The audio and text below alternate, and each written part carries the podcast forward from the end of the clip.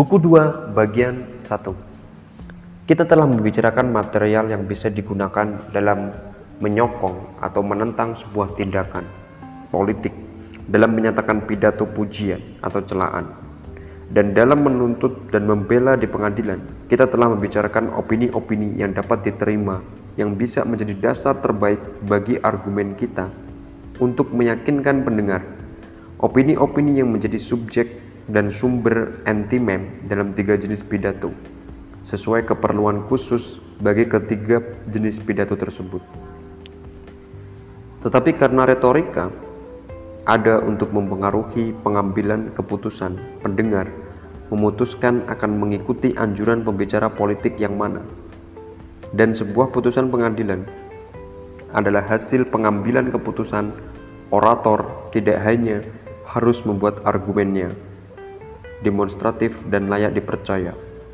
Orator juga harus membuat karakternya terlihat baik dan menempatkan pendengar yang akan mengambil keputusan ke dalam kerangka berpikir yang benar, terutama dalam pidato politik dan sidang pengadilan. Karakter orator yang terlihat baik bisa sangat mempengaruhi, dan orator harus mengetahui cara menyampaikan perasaan yang baik terhadap pendengarnya dan pendengar sendiri harus memiliki kerangka berpikir yang benar. Karakter orator yang terlihat baik sangat penting dalam pidato politik. Dalam sidang pengadilan, yang terpenting adalah audiens harus memiliki kerangka berpikir yang benar. Dalam suasana bersahabat dan tenang, orang berpikir tentang satu hal. Dalam suasana marah dan bermusuhan, orang berpikir tentang hal yang sama sekali berbeda atau hal yang sama tapi dengan intensitas berbeda. Dalam suasana bersahabat, ia menilai orang yang ada di hadapannya di pengadilan telah melakukan kesalahan. Kesalahan kecil jika ada kesalahan yang dilakukannya. Dalam suasana tidak bersahabat, ia memiliki pandangan yang berkebalikan jika orang menginginkan dan mengharapkan sesuatu yang menyenangkan. Mereka berpikir hal itu benar-benar akan terjadi dan baik untuknya. Sedangkan Orang yang berpikir netral atau tidak mengharapkannya akan berpikir sebaliknya. Ada tiga hal yang bisa membuat karakter orator dapat dipercaya. Di samping pembuktian kecerdasan praktis atau akal sehat atau good sense, karakter moral yang baik atau good moral character, dan niat baik atau good will. Pernyataan yang salah dan anjuran yang buruk disebabkan oleh salah satu dari tiga sebab berikut. Orang membuat opini yang salah karena tidak adanya akal sehat, atau membuat opini yang benar, tetapi karena karakter moral yang buruk, mereka tidak mengatakan apa yang sesungguhnya mereka pikirkan. Atau terakhir, berpikiran sehat dan jujur, tetapi tidak dapat menyampaikannya kepada pendengar, sehingga tidak berhasil merekomendasikan apa yang mereka ketahui sebagai pilihan terbaik. Ketiganya adalah kasus yang mungkin terjadi dan tidak ada kasus di luar itu. Itu artinya bahwa siapa pun yang memiliki ketiga kualitas tersebut akan bisa meyakinkan audiens.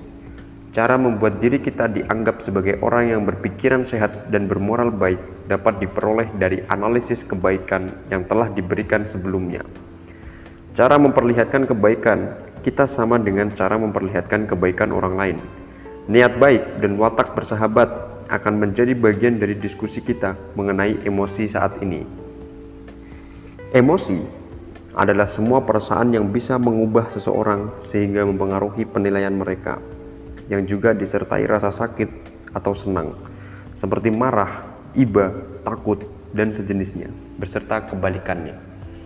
Kita harus menyusun apa yang harus kita katakan tentang masing-masing emosi itu di bawah tiga poin utama. Ambil misalnya emosi marah. Di sini kita harus menemukan satu, keadaan pikiran orang yang marah. Dua, keadaan orang seperti apa biasanya orang marah. Dan tiga, atas alasan apa mereka marah.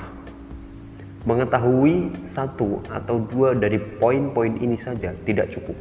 Tanpa mengetahui ketiganya, kita tidak dapat membangkitkan rasa marah pada diri seseorang Hal yang sama berlaku untuk emosi lainnya. Jadi, sebagaimana di awal kita membuat daftar proposisi yang berguna untuk orator. Selanjutnya, dengan cara yang sama, kita akan menganalisa subjek yang ada di hadapan kita. Buku 2 bagian 2 Marah bisa didefinisikan sebagai gerak hati disertai rasa sakit untuk membalas atas penghinaan yang dilakukan tanpa pembenaran terhadap hal-hal terkait dirinya atau temannya. Jika ini adalah definisi yang tepat untuk kemarahan, maka kemarahan akan dirasakan terhadap individu tertentu, misalnya terhadap Cleon dan bukan terhadap manusia secara umum. Kemarahan dirasakan karena orang lain telah melakukan atau bermaksud melakukan sesuatu kepadanya atau salah seorang temannya. Kemarahan selalu disertai rasa senang tertentu yang muncul dari harapan akan pembalasan karena tidak ada orang yang mengharapkan sesuatu yang ia pikir tidak dapat diperoleh. Orang marah menginginkan apa yang bisa ia peroleh, dan keyakinan bahwa ia akan memperoleh tujuannya adalah menyenangkan. Karenanya, benar adanya ujaran tentang kemarahan berikut. Jauh lebih manis daripada tetes madu yang manis, yang menyebar ke segenap hati manusia. Kemarahan juga disertai oleh rasa senang tertentu yang muncul dari pemikiran tentang tindakan pembalasan dan gambaran yang muncul menyertai seperti gambaran yang muncul dalam mimpi, memberikan kesenangan. Penghinaan adalah pemberian opini secara aktif mengenai sesuatu yang dianggap tidak memiliki arti penting. Kita menganggap sesuatu yang buruk seperti halnya sesuatu yang baik, memiliki arti penting yang signifikan dan kita memiliki anggapan yang sama terhadap hal apa pun yang memiliki kecenderungan menghasilkan kedua hal yang baik dan buruk itu. Sementara sesuatu yang sedikit atau tidak memiliki kecenderungan menghasilkan keduanya, kita anggap sebagai sesuatu yang tidak penting. Ada tiga macam penghinaan meremehkan, dengki, dan melecehkan. Satu, meremehkan adalah salah satu penghinaan. Kita merasa diremehkan ketika dianggap tidak penting dan itu adalah suatu penghinaan. Dua, dengki adalah jenis lain, yaitu menghalangi terwujudnya harapan orang lain, bukan untuk mendapatkan sesuatu untuk dirinya sendiri, tapi hanya mencegah orang lain untuk mendapatkannya. Penghinaan timbul dari fakta bahwa pelaku tidak bertujuan mendapatkan sesuatu untuk dirinya. Ia menganggap bahwa korban bukan orang yang berbahaya, karena kalau ia menganggap orang itu berbahaya, ia akan takut alih-alih dengki kepadanya. Pelaku juga tidak menganggap korban akan memberinya manfaat, karena kalau begitu pelaku akan sangat ingin berteman dengannya. Tiga, melecehkan adalah juga bentuk penghinaan, karena mencakup melakukan dan mengatakan hal-hal yang bisa menyebabkan korban merasa malu, bukan agar sesuatu terjadi pada diri pelaku, dan bukan karena sesuatu yang telah terjadi pada pelaku tetapi semata untuk kesenangan pelaku. Pembalasan bukan melecehkan, tetapi dendam. Kesenangan yang dinikmati oleh yang melecehkan orang lain adalah bahwa ia menganggap dirinya jauh lebih superior dari orang lain ketika memperlakukan orang dengan buruk. Itu sebabnya anak muda dan orang kaya suka melecehkan orang lain. Mereka berpikir dirinya superior ketika melakukan perbuatan itu. Salah satu jenis perbuatan melecehkan adalah merampas kehormatan yang dianugerahkan kepada seseorang. Melakukan perbuatan itu sama dengan melakukan penghinaan. Karena hanya hal yang tidak penting, entah baik atau buruk, yang tidak diberi kehormatan. Seperti Achilles yang berkata dalam kemarahannya, Ia telah mengambil hadiah untukmu, untuk dimiliki sendiri, dan telah mempermalukanmu dan seperti orang asing tiada dihormati. Menyatakan sebab kemarahannya, orang ingin dihormati secara khusus oleh yang lebih inferior, baik dalam segi keturunan, karakter, kebaikan, dan pada umumnya dalam segala hal di mana ia lebih superior. Sebagaimana uang berarti bagi orang kaya yang ingin dihormati dibanding bagi orang miskin. Sebagaimana keahlian berbicara berarti bagi orator yang ingin dihormati dibanding bagi orang yang tidak bisa berbicara. Penguasa ingin dihormati oleh orang yang berada di bawah kekuasaannya. Dan orang yang menganggap dirinya harus menjadi penguasa, ingin dihormati oleh orang yang dianggapnya harus berada di bawah kekuasaannya, karenanya dikatakan bahwa kemarahan raja-raja yang berazah Zeus yang agung sungguh besar. Dan ya, kebencian yang ditimbulkannya berbekas begitu lama. Kemarahan mereka disebabkan oleh rasa superioritas mereka yang tinggi orang juga ingin dihormati oleh orang yang ia anggap berutang perlakuan baik darinya, yaitu orang yang telah atau sedang ia perlakukan dengan baik, atau orang yang berniat atau telah berniat dia perlakukan dengan baik, baik oleh dirinya atau oleh teman-temannya, atau oleh orang lain atas perintahnya. Dari penjelasan di atas dapat dilihat dengan jelas satu dalam kerangka pikir apa. Dua, terhadap orang seperti apa. Dan tiga, atas dasar apa orang menjadi marah. Kerangka pikir adalah keadaan saat rasa sakit dirasakan. Dalam kondisi seperti itu, orang selalu punya tujuan akan sesuatu. Ketika seseorang menentangnya, baik secara langsung seperti menghalangi ia minum ketika ia haus, atau secara tidak langsung baginya akan tampak tak ada bedanya ketika seseorang melakukan sesuatu untuk melawannya, atau tidak mau bekerja sama dengannya, atau membuatnya kesal sementara. Ia dalam kerangka pikir tersakiti, ia akan sama marahnya terhadap semua keadaan itu. Karenanya, orang yang ditimpa kesakitan, kemiskinan, cinta, rasa haus, atau ketidakpuasan lainnya cenderung akan marah dan mudah marah, terutama terhadap mereka yang menghina atau menganggap tidak penting kesulitan mereka saat ini. Jadi, orang yang sakit menjadi marah karena tidak dihiraukan sakitnya. Orang miskin karena tidak dihiraukan kemiskinannya. Orang yang berperang karena tidak dihiraukan perang yang sedang dihadapinya.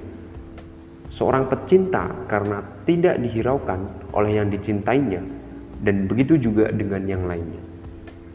Bentuk pengabaian apa pun, meski bukan sesuatu yang khusus, bisa memicu kemarahan. Setiap orang memiliki kecenderungan terhadap kemarahan tertentu oleh emosi yang mengendalikannya saat ini. Kita juga marah jika apa yang terjadi tidak sesuai dengan yang kita harapkan. Hal buruk yang benar-benar tidak diharapkan sungguh menyakitkan. Sebagaimana pencapaian yang benar-benar tidak diduga sesuai yang kita harapkan sungguh menyenangkan. Karenanya, jelas bagaimana kesempatan waktu, kondisi, dan periode kehidupan punya kecenderungan menggerakkan orang untuk marah dengan mudah.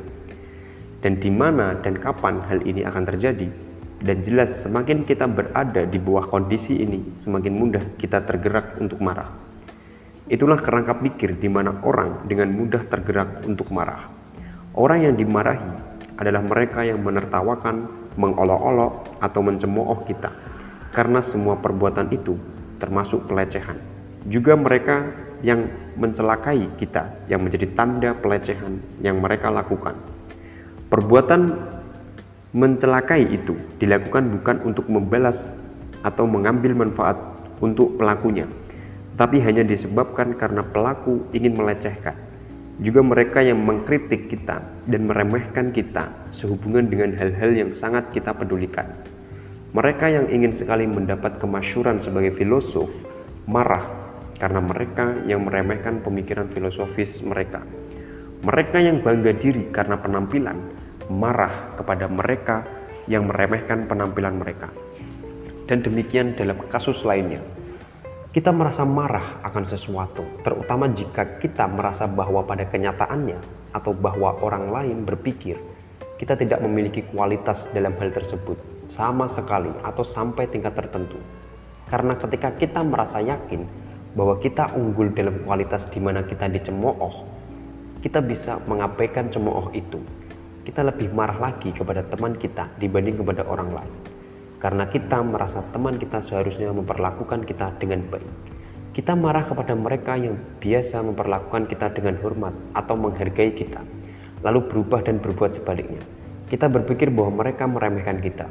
Kalau tidak, mereka akan tetap berperilaku sebagaimana sebelumnya. Kita marah kepada mereka yang tidak membalas kebaikan kita atau tidak membalas dengan cukup. Dan kepada mereka yang menentang kita, padahal mereka lebih inferior dibanding kita.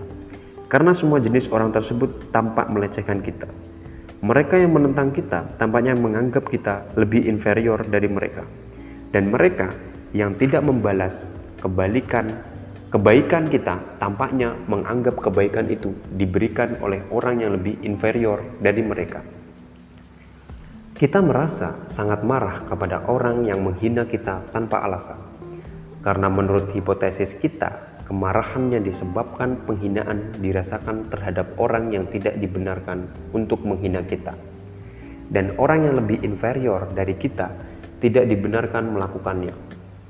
Kita marah kepada teman jika mereka tidak berbicara hal baik mengenai kita atau tidak memperlakukan kita dengan baik dan terlebih jika mereka berbicara atau melakukan hal yang sebaliknya atau jika mereka tidak menyadari kebutuhan kita seperti ketika Plankipus marah kepada Meleger dalam sajak tragedi karya Antipon.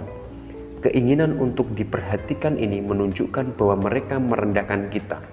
Karena seharusnya tidak mungkin kita dapat menyadari kebutuhan orang yang kita pedulikan. Kita marah kepada mereka yang senang ketika kita mendapatkan kemalangan atau terlihat senang di tengah kemalangan kita karena hal ini menunjukkan bahwa mereka membenci atau merendahkan kita. Kita juga marah kepada mereka yang tidak peduli pada penderitaan yang mereka berikan kepada kita. Itu sebabnya kita marah kepada pembawa berita buruk. Kita juga marah kepada mereka yang mendengarkan cerita tentang kita dan mencari-cari kelemahan kita. Dengan berbuat demikian, tampak mereka merendahkan dan membenci kita. Karena orang mencintai kita, akan menjadi bagian dari kesedihan kita, dan siapa pun akan merasa sedih mencari-cari kelemahan sendiri. Kita marah kepada orang yang merendahkan kita di hadapan lima golongan orang, yaitu satu saingan kita, dua orang yang kita hargai, tiga orang yang kita harap menghargai kita, empat orang yang kita hormati, lima orang yang menghormati kita. Jika ada yang melecehkan kita di hadapan orang-orang tersebut, kita merasa sangat marah. Kita marah kepada mereka yang merendahkan kita terkait hal-hal yang harus kita bela sebagai orang yang terhormat, yaitu orang tua, kita, anak, istri, atau tanggungan kita. Orang marah kepada mereka yang tidak membalas kebaikannya, karena penghinaan seperti itu tidak dapat dibenarkan. Orang marah kepada mereka yang menjawab dengan sikap main-main dan bercanda ketika kita sedang berbicara serius. Karena perbuatan seperti itu sama dengan meremehkan. Kita marah kepada mereka yang memperlakukan kita dengan kurang baik dibanding perlakuannya terhadap orang lain.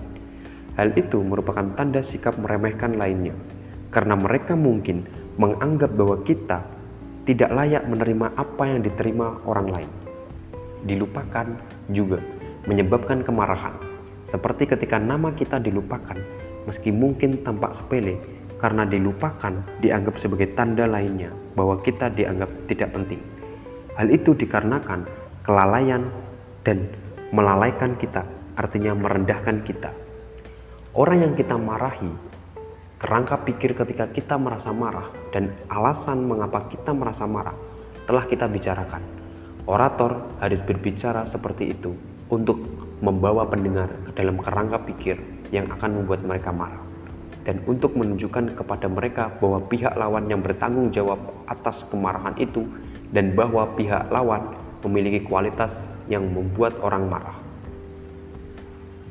Buku 2 bagian 3 Karena bersikap tenang adalah berkebalikan dengan marah dan ketenangan berkebalikan dengan kemarahan kita harus memastikan dalam kerangka pikir apa orang bersikap tenang terhadap siapa dan apa yang membuat mereka tenang. Bersikap tenang dapat didefinisikan sebagai meredakan atau menghentikan kemarahan. Kita marah kepada orang yang menghina kita, dan karena menghina adalah perbuatan sukarela. Jelas bahwa kita bersikap tenang kepada mereka yang tidak menghina kita atau kepada yang menghina atau tampak menghina kita, namun bukan atas kehendak sendiri. Kita juga bersikap tenang kepada mereka yang bermaksud melakukan hal yang sebaliknya dengan apa yang telah dilakukan oleh yang menghina kita. Kita juga bersikap tenang kepada mereka yang memperlakukan diri mereka sama seperti mereka memperlakukan kita. Karena tidak ada orang yang akan menghina dirinya sendiri. Kita juga bersikap tenang kepada mereka yang mengakui kesalahan mereka dan menyesalinya. Karena kita menerima penyesalan mereka atas apa yang telah mereka lakukan sebagai kepuasan. Dan itu melenyapkan kemarahan. Hukuman terhadap pelayan menunjukkan hal ini. Mereka yang membantah dan mengingkari kesalahannya akan dihukum lebih berat tetapi kemarahan kita lenyap terhadap mereka yang setuju atas hukuman yang layak mereka terima. Alasannya adalah bahwa mereka tanpa malu menolak sesuatu yang sudah jelas terjadi. Orang yang bersikap tidak tahu malu terhadap kita sama dengan menghina dan menunjukkan sikap meremehkan. Karena sesungguhnya kita tidak akan merasa malu di hadapan orang yang kita anggap remeh. Kita juga bersikap tenang kepada mereka yang bersikap rendah hati di hadapan kita dan tidak membantah pembicaraan kita. Kita merasa bahwa mereka mengakui bahwa dirinya lebih inferior dari kita. Orang yang lebih inferior akan merasa takut dan tidak berani menghina. Kemarahan kita lenyap terhadap orang yang merendahkan diri di hadapan kita. Seperti ditunjukkan bah bahkan oleh anjing yang tidak menggigit orang yang duduk. Kita juga bersikap tenang kepada mereka yang bersikap sungguh-sungguh ketika kita bersungguh-sungguh. Karena dengan begitu, kita merasa bahwa kita diperlakukan dengan sungguh-sungguh dan tidak diremehkan. Kita juga bersikap tenang kepada mereka yang telah melakukan lebih banyak kebaikan dibanding kebaikan yang kita lakukan untuk mereka juga kepada mereka yang mendoakan dan memohonkan ampun bagi kita, karena mereka bersikap rendah hati dengan melakukan hal itu. Juga kepada mereka yang tidak mencerca, mengecek, atau menghina siapa pun, atau orang baik atau siapa pun yang seperti kita. Secara umum, hal-hal yang membuat kita bersikap tenang dapat disimpulkan dengan melihat hal-hal yang berkebalikan dengan yang membuat kita marah. Kita tidak marah kepada orang yang kita takuti atau hormati. Selama kita takut atau hormat kepadanya, kita tidak bisa takut dan merasa marah kepada seseorang sekaligus. Kita tidak marah atau atau sedikit marah kepada orang yang melakukan sesuatu dalam keadaan marah. Kita tidak merasa mereka melakukannya dengan maksud menghina, karena tidak ada orang yang menghina ketika sedang marah. Karena menghina tidak menyakitkan, dan kemarahan menyakitkan. Kita tidak marah kepada orang yang menghargai kita. Kerangka pikir yang membuat orang tenang jelas merupakan kebalikan dari apa yang membuat orang marah. Seperti ketika orang menghibur diri, tertawa, berpesta, ketika orang merasa sejahtera, sukses, atau puas, ketika dalam kondisi baik, orang menikmati kebebasan dari rasa sakit, atau kesenangan yang tidak mengganggu, atau harapan yang dapat dibenarkan, juga ketika waktu telah berlalu dan kemarahan sudah terlupakan. Karena waktu membuat kemarahan reda, namun kemarahan yang sebelumnya ditunjukkan kepada seseorang bisa berakhir menjadi kemarahan yang lebih besar terhadap orang yang lain. Karenanya, ketika Pilokrates ditanya seseorang pada saat semua orang marah kepadanya, "Mengapa kamu tidak membela diri?" Pilokrates memberi jawaban yang benar, "Belum saatnya." "Mengapa? Kapan waktu yang tepat itu?" Pilokrates menjawab, ketika aku melihat seseorang difitnah. Orang akan menjadi tenang ketika mereka telah menghabiskan kemarahan mereka kepada orang yang lain. Hal ini terjadi dalam kasus Ergopilus, meski orang lebih marah kepadanya dibanding kepada Kalis Tenes. Orang membebaskannya karena mereka baru saja menghukum mati Kalis Tenes sehari sebelumnya. Orang bersikap tenang jika mereka telah menghukum pelanggar hukum, atau jika pelanggar hukum itu telah menderita hal yang lebih buruk dibanding apa yang akan mereka lakukan kepadanya dengan kemarahan mereka, karena merasa seolah kemarahan mereka telah terbalaskan. Orang juga bersikap tenang jika mereka merasa bahwa mereka sendiri salah dan layak mendapat apa yang mereka derita. Karena kemarahan tidak timbul dari sesuatu yang bersifat adil. Karena orang tidak lagi berpikir bahwa mereka menderita dengan tidak semestinya. Dan kemarahan seperti yang telah kita lihat adalah tentang hal ini. Karenanya, kita selalu memberi hukuman pendahuluan dengan kata-kata. Jika hukuman pendahuluan itu telah dilakukan, bahkan budak pun tidak akan terlalu merasa dirugikan ketika mendapat hukuman yang sesungguhnya kita juga merasa tenang jika kita anggap pelanggar hukum tidak akan mengetahui bahwa ia dihukum karena laporan kita dan karena cara mereka memperlakukan kita. Karena marah harus dilakukan kepada seseorang. Seperti jelas terlihat dari definisi marah. Karenanya penyair telah menuliskannya dengan baik. Katakan kepada teman-temanmu bahwa Onidesius Odysseus yang telah merampok kota.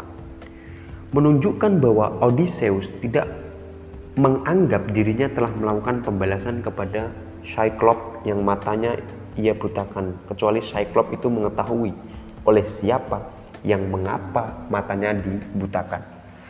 Konsekuensinya, kita tidak marah kepada orang yang tidak menyadari kemarahan kita. Dan dalam keadaan tertentu, kita tidak marah lagi kepada seseorang ketika orang itu meninggal. Karena kita merasa hal terburuk telah menimpanya. Dan ia tidak akan lagi merasakan sakit atau apa pun yang kita perbuat dalam kemarahan kita agar dirasakan olehnya. Dan karenanya penyair telah membuat Apollo mengatakan hal yang tepat untuk menghentikan kemarahan Achilles atas kematian Hektor. Ia marah karena dilihatnya tubuh yang sudah tak bernyawa. Sekarang kita sudah melihat dengan jelas bahwa ketika hendak menenangkan orang, kita harus menggunakan strategi argumen ini. Kita harus menempatkan pendengar ke dalam kerangka pikir yang sesuai dan menunjukkan bahwa mereka yang membuat mereka marah adalah orang hebat atau layak dihormati, atau telah membantu mereka, atau telah berbuat tanpa disengaja, atau sangat menyesal atas apa yang telah dilakukannya. Buku 2 bagian 4 Sekarang kita akan membahas tentang pertemanan dan permusuhan dan mencari tahu kepada siapa perasaan ini ditujukan dan mengapa. Kita akan mulai dengan mendefinisikan rasa pertemanan kita bisa mendefinisikan rasa pertemanan terhadap siapa pun sebagai mengharapkan apa yang kamu yakini baik untuknya. Bukan untuk dirimu sendiri, melainkan untuknya dan memiliki kecenderungan untuk mewujudkan hal baik ini untuknya. Sejauh yang kamu bisa, seorang teman adalah seorang yang memiliki perasaan itu dan membangkitkan perasaan ini itu sebagai balasan bagi temannya yang memiliki perasaan itu. Mereka yang menganggap dirinya memiliki perasaan itu satu sama lain menganggap bahwa mereka adalah teman. Dapat diasumsikan bahwa temanmu adalah orang yang berbagi kesenangan dalam hal baik dan berbagi rasa sakit dalam hal yang tidak menyenangkan demi dirimu dan bukan untuk alasan lain. Rasa senang dan sakit yang mereka rasakan akan menjadi tanda dari harapan baiknya untukmu.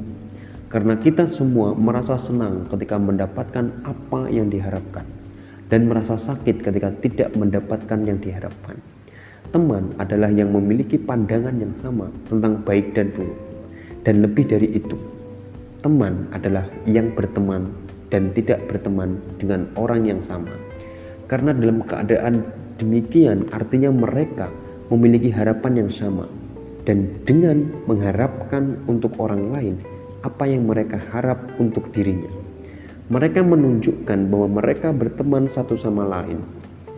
Kita merasa berteman dengan mereka yang memperlakukan kita atau orang-orang yang kita pedulikan dengan baik, baik perbuatan itu dalam ukuran besar atau yang diperlukan segera, atau pada keadaan krisis tertentu yang diberikan demi diri kita.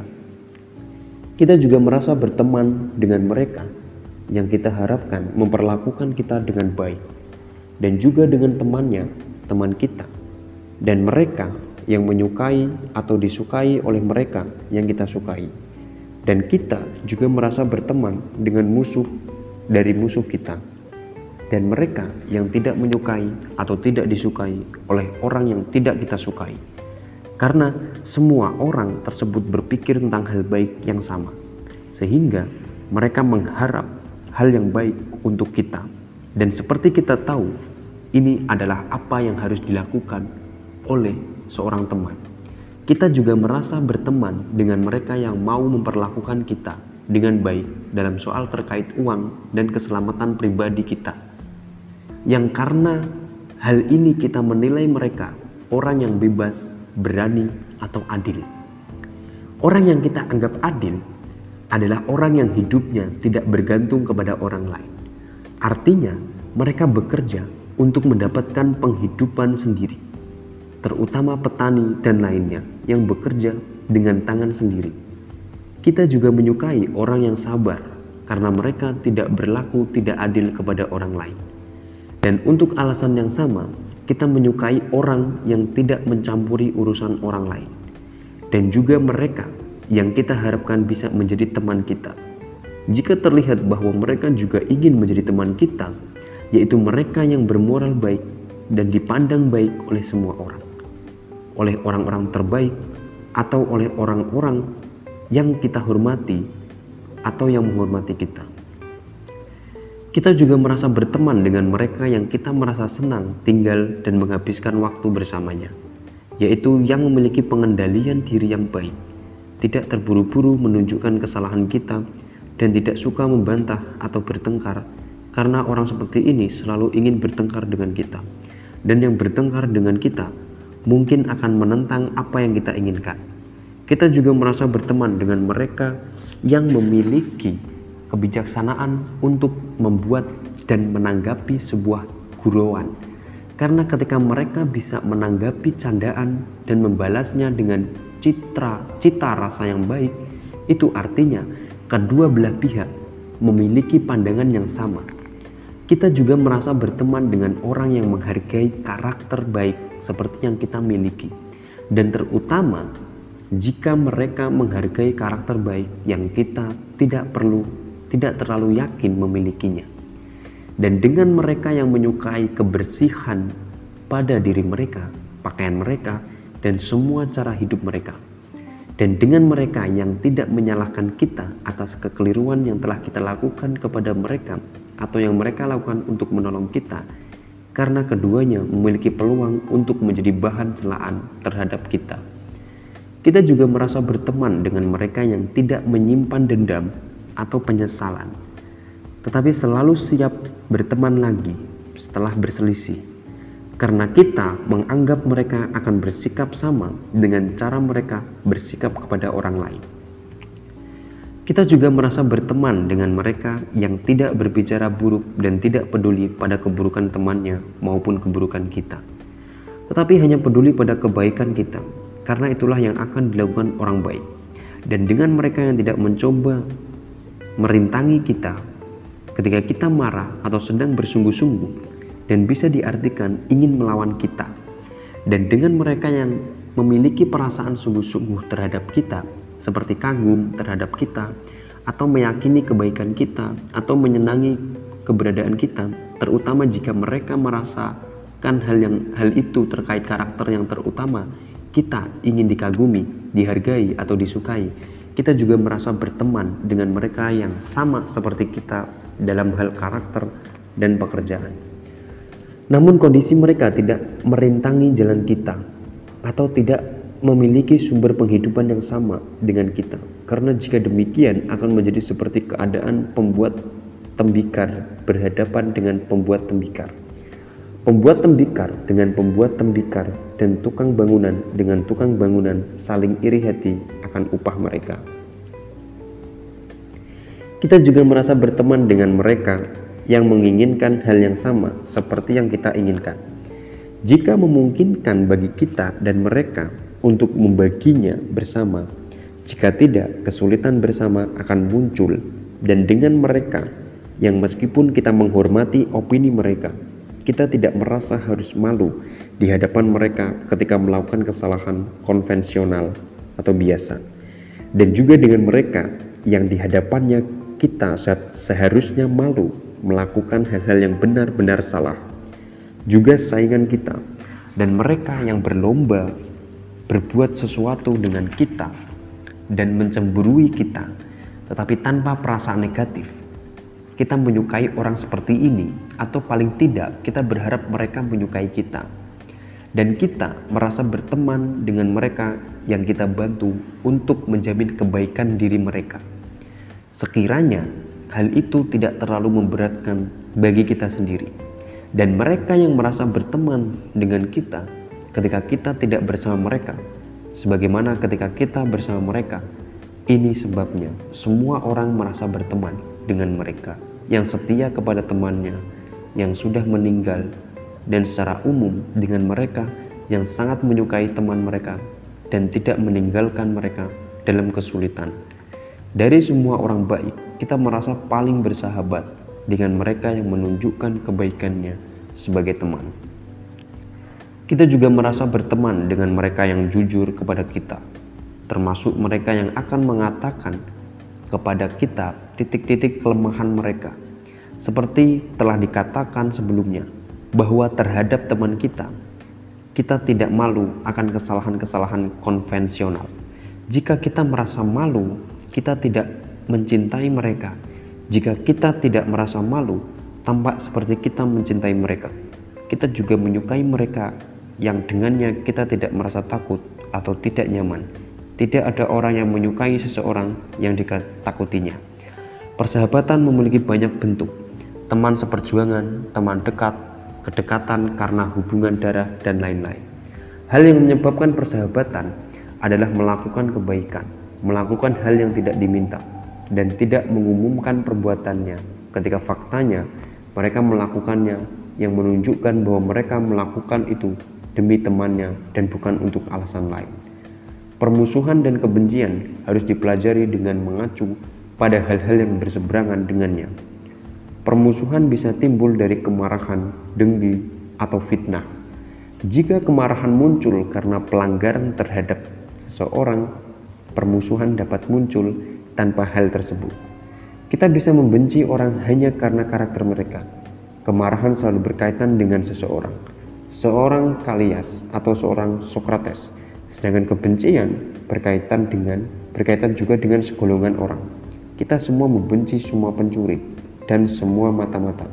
Lebih lanjut, kemarahan bisa disembuhkan oleh waktu, tetapi kebencian tidak.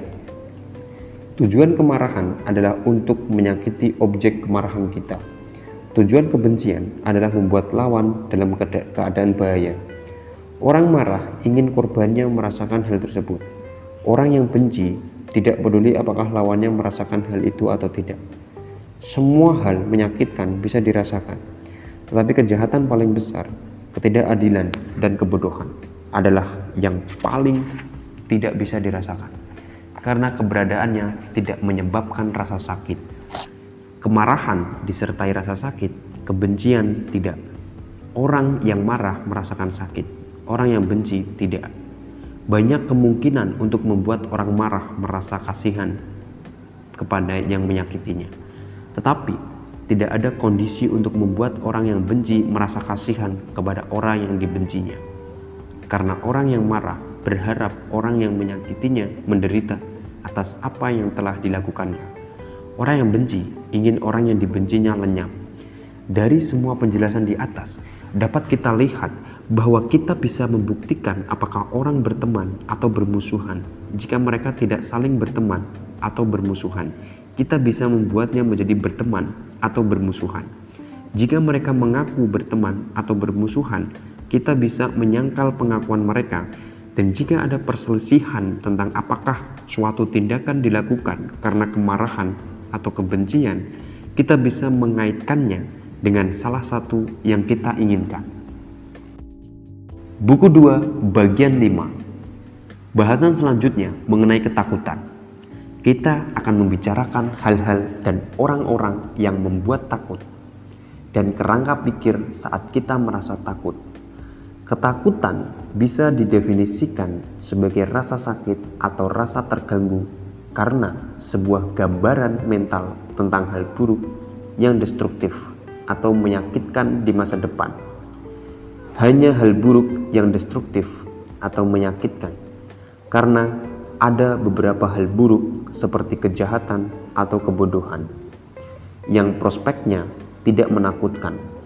Prospek yang menakutkan yang saya maksud berupa rasa sakit atau kehilangan yang besar dan prospeknya tidak jauh atau sangat dekat seolah akan segera terjadi. Kita tidak takut pada hal-hal yang tampak jauh. Misalnya, kita semua tahu kita akan mati, tetapi kita tidak merasa terganggu dengan hal ini karena kematian tidak berada dekat dalam genggaman kita. Dari definisi ini bisa dikatakan bahwa ketakutan disebabkan oleh apa pun yang dirasa memiliki kekuatan besar yang menghancurkan atau membahayakan. Dengan cara yang cenderung menyebabkan rasa sakit yang besar, karenanya tanda-tanda yang menunjukkan hal-hal seperti itu terasa menakutkan. Membuat kita merasa hal-hal menakutkan itu begitu dekat di hadapan kita Pendekatan untuk menjelaskan apa yang dimaksud dengan hal menakutkan itu kita sebut dengan bahaya. Tanda-tanda yang dimaksud adalah rasa permusuhan dan rasa marah dari orang yang memiliki kemampuan untuk melakukan sesuatu kepada kita. Karena jelas mereka memiliki kehendak untuk melakukannya dan berada pada posisi bisa melakukannya. Tanda lainnya adalah ketidakadilan yang disertai kekuasaan. Karena yang membuat orang berlaku tidak adil adalah kehendak dari orang yang tidak adil. Tanda lainnya adalah kemarahan dari orang yang merasa dirinya benar yang disertai kekuasaan. Karena jelas ketika marah, orang selalu memiliki keinginan untuk membalas dan sekarang kemampuan untuk melakukannya ada. Tanda lainnya adalah ketakutan yang dirasakan oleh orang yang memiliki kemampuan untuk melakukan sesuatu kepada kita. Karena orang seperti itu selalu siap melakukan apa pun. Kebanyakan orang cenderung bersikap buruk menjadi budak ketamakan dan jadi pengecut ketika dalam bahaya. Maka lazimnya berada di bawah belas kasihan orang lain adalah menakutkan. Konsekuensinya, jika kita melakukan hal yang menyebabkan ketakutan, mereka yang mengetahui rahasia tentang hal itu membuat kita takut dengan pemikiran bahwa mereka akan membukakan kebenarannya atau meninggalkan kita dalam kesulitan. Orang yang dapat melakukan kejahatan kepada kita juga membuat kita takut ketika besar kemungkinan kita bisa menjadi korbannya. Karena lazimnya orang melakukan kejahatan kepada orang lain kapan pun mereka memiliki kemampuan untuk melakukannya. Orang yang menjadi korban atau yakin dirinya menjadi korban juga membuat kita takut karena mereka selalu mencari kesempatan untuk membalas. Orang yang telah melakukan kejahatan ketika memiliki kemampuan untuk melakukannya juga membuat kita takut karena mereka takut akan pembalasan telah disebutkan sebelumnya bahwa kejahatan yang disertai kemampuan untuk melakukannya adalah hal yang menakutkan. Saingan kita dalam suatu hal juga bisa membuat kita takut ketika sama-sama tidak dapat memiliki hal tersebut. Kita selalu bersaing dengan orang seperti itu. Kita juga takut kepada mereka yang ditakuti oleh orang yang lebih kuat dari kita. Jika mereka dapat melukai orang yang lebih kuat dari kita, mereka tentunya lebih dari bisa melukai kita. Untuk alasan yang sama, kita juga takut kepada orang yang benar-benar ditakuti oleh orang yang lebih kuat dari kita. Kita juga takut kepada mereka yang telah menghancurkan orang yang lebih kuat dari kita. Juga kepada mereka yang menyerang orang yang lebih lemah dari kita lebih baik mereka yang memang telah memiliki kapabilitas menakutkan, atau mereka yang akan berbuat demikian ketika mereka nanti menjadi lebih kuat. Kita juga takut kepada orang yang menjadi korban kejahatan kita dan musuh atau saingan kita. Bukan yang cepat marah dan belak-belakan, melainkan yang tenang, yang suka menyembunyikan perasaan, yang tidak mengindahkan moral. Karena kita tidak pernah tahu kapan mereka akan melakukan sesuatu. Kita tidak pernah yakin apakah kita berada pada posisi aman dari mereka. Semua hal menakutkan itu menjadi lebih menakutkan ketika tidak ada kesempatan untuk memperbaiki keadaan. Baik tidak ada kesempatan sama sekali atau hanya ada satu kesempatan di tangan musuh kita dan bukan di tangan kita. Hal tersebut juga bisa bertambah buruk ketika kita tidak dapat atau tidak dapat dengan mudah mendapat bantuan. Secara umum, segala sesuatu yang menyebabkan kita merasa takut adalah segala sesuatu yang ketika hal itu terjadi atau mengancam orang lain akan menyebabkan kita merasa kasihan. Itu adalah gambaran umum mengenai hal-hal utama yang menimbulkan ketakutan dan menakutkan. Kita sekarang akan menjelaskan dalam kondisi apa kita merasa takut. Jika ketakutan diasosiasikan dengan ekspektasi bahwa sesuatu yang destruktif akan terjadi kepada kita, maka orang yang meyakini bahwa tidak akan ada sesuatu yang terjadi kepadanya tidak akan takut. Kita tidak akan takut pada sesuatu yang kita yakini tidak akan terjadi pada kita. Kita juga tidak akan takut kepada orang yang kita yakini tidak dapat menyebabkan ketakutan kepada kita. Kita juga tidak akan takut ketika kita pikir kita aman dari mereka. Konsekuensinya, ketakutan dirasakan oleh mereka yang mempercayai bahwa sesuatu kemungkinan besar akan terjadi kepadanya di tangan orang-orang tertentu dalam bentuk tertentu dan pada waktu tertentu. Orang tidak akan meyakini hal ini ketika mereka berada atau ketika mereka menganggap dirinya berada dalam kesejahteraan dan oleh karenanya ia bersikap melecehkan, meremehkan, dan tidak berhati-hati. Jenis-jenis karakter yang dihasilkan oleh kekayaan, kekuatan fisik, teman yang banyak, kekuasaan. Ketakutan juga tidak dirasakan ketika orang merasa bahwa mereka telah mengalami segala jenis hal menakutkan dan tidak memiliki kepekaan lagi tentang masa depan seperti orang yang dicambuk dan hampir mendekati kematian. Jika mereka merasakan kesedihan mendalam mengenai ketidakpastian, pasti ada sedikit harapan tipis akan kebebasan ini tampak dari fakta bahwa ketakutan membuat kita berpikir tentang apa yang dapat dilakukan, yang tentu saja tidak dilakukan ketika keadaan tidak bisa diharapkan. Konsekuensinya, ketika sebaiknya audiens harus dibuat takut. Orator harus membuat mereka merasa bahwa mereka benar-benar dalam bahaya dengan menunjukkan bahwa hal itu telah terjadi kepada orang lain yang lebih kuat dari mereka dan sedang terjadi atau telah terjadi kepada orang-orang seperti mereka oleh orang yang tidak diharapkan dalam bentuk yang tidak diharapkan dan pada waktu yang tidak diharapkan. Setelah melihat sifat dasar dari ketakutan dan hal-hal yang menyebabkannya, serta berbagai keadaan pikiran di mana ketakutan dirasakan, kita juga dapat melihat apa yang dimaksud dengan keyakinan diri terhadap hal seperti apa kita merasakannya dan dalam kondisi seperti apa keyakinan diri adalah lawan dari ketakutan. Dan apa yang menyebabkannya adalah kebalikan dari apa yang menyebabkan ketakutan. Karenanya, ekspektasi ekspektasinya berhubungan dengan gambaran mental mengenai dekatnya sesuatu yang membuatnya kita aman dan tidak adanya atau jauhnya hal yang menakutkan. Hal itu dapat disebabkan baik karena dekatnya keberadaan hal yang mengilhamkan keyakinan diri atau ketiadaan hal yang menyebabkan ketakutan.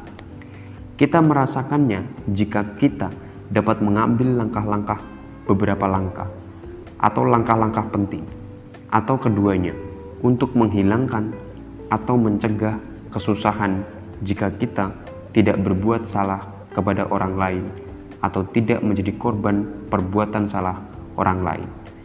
Jika kita tidak memiliki saingan sama sekali atau tidak punya saingan orang kuat, jika saingan kita yang kuat adalah teman kita atau telah memperlakukan kita dengan baik atau telah diperlakukan dengan baik oleh kita atau jika mereka yang kepentingannya sama dengan kita adalah pihak yang lebih banyak atau lebih kuat atau keduanya. Sementara untuk keadaan pikiran kita, kita merasa percaya diri ketika kita yakin kita telah sering mengalami kesuksesan dan tidak pernah mengalami hal yang sebaliknya, atau telah sering bertemu bahaya dan terlepas darinya dengan selamat. Ada dua alasan mengapa manusia menghadapi bahaya dengan tenang. Mereka tidak memiliki pengalaman akan hal itu, atau mereka memiliki cara untuk menghadapinya. Contohnya, ketika menghadapi bahaya di laut, orang merasa percaya diri mengenai apa yang akan terjadi, baik karena mereka tidak memiliki pengalaman tentang cuaca buruk, atau karena pengalaman mereka memberi mereka cara untuk menghadapinya. Kita juga merasa percaya diri ketika tidak ada hal yang ditakutkan oleh orang yang sama dengan kita, atau orang yang lebih lemah dari kita atau orang yang kita yakini bahwa kita lebih kuat dari mereka. Kita akan meyakini hal itu jika kita telah mengalahkan mereka atau mengalahkan orang lain yang memiliki kekuatan sama dengan mereka atau lebih kuat dari mereka. Kita juga akan meyakini hal itu jika kita yakin diri kita lebih superior dari saingan kita dalam hal jumlah dan arti penting keadaan yang membuat seseorang ditakuti kekayaan, kekuatan fisik, dewan pendukung yang kuat, wilayah kekuasaan yang luas, dan kepemilikan semua atau hal-hal paling penting dari perlengkapan perang.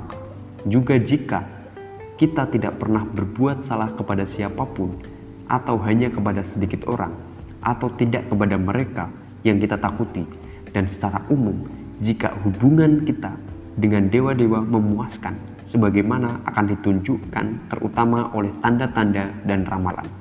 Kemarahan juga membuat kita percaya diri karena kemarahan muncul dari pengetahuan bahwa kita bukan pelaku pelanggaran melainkan korban pelanggaran dan bahwa kekuasaan ilahi seharusnya selalu ada di pihak korban.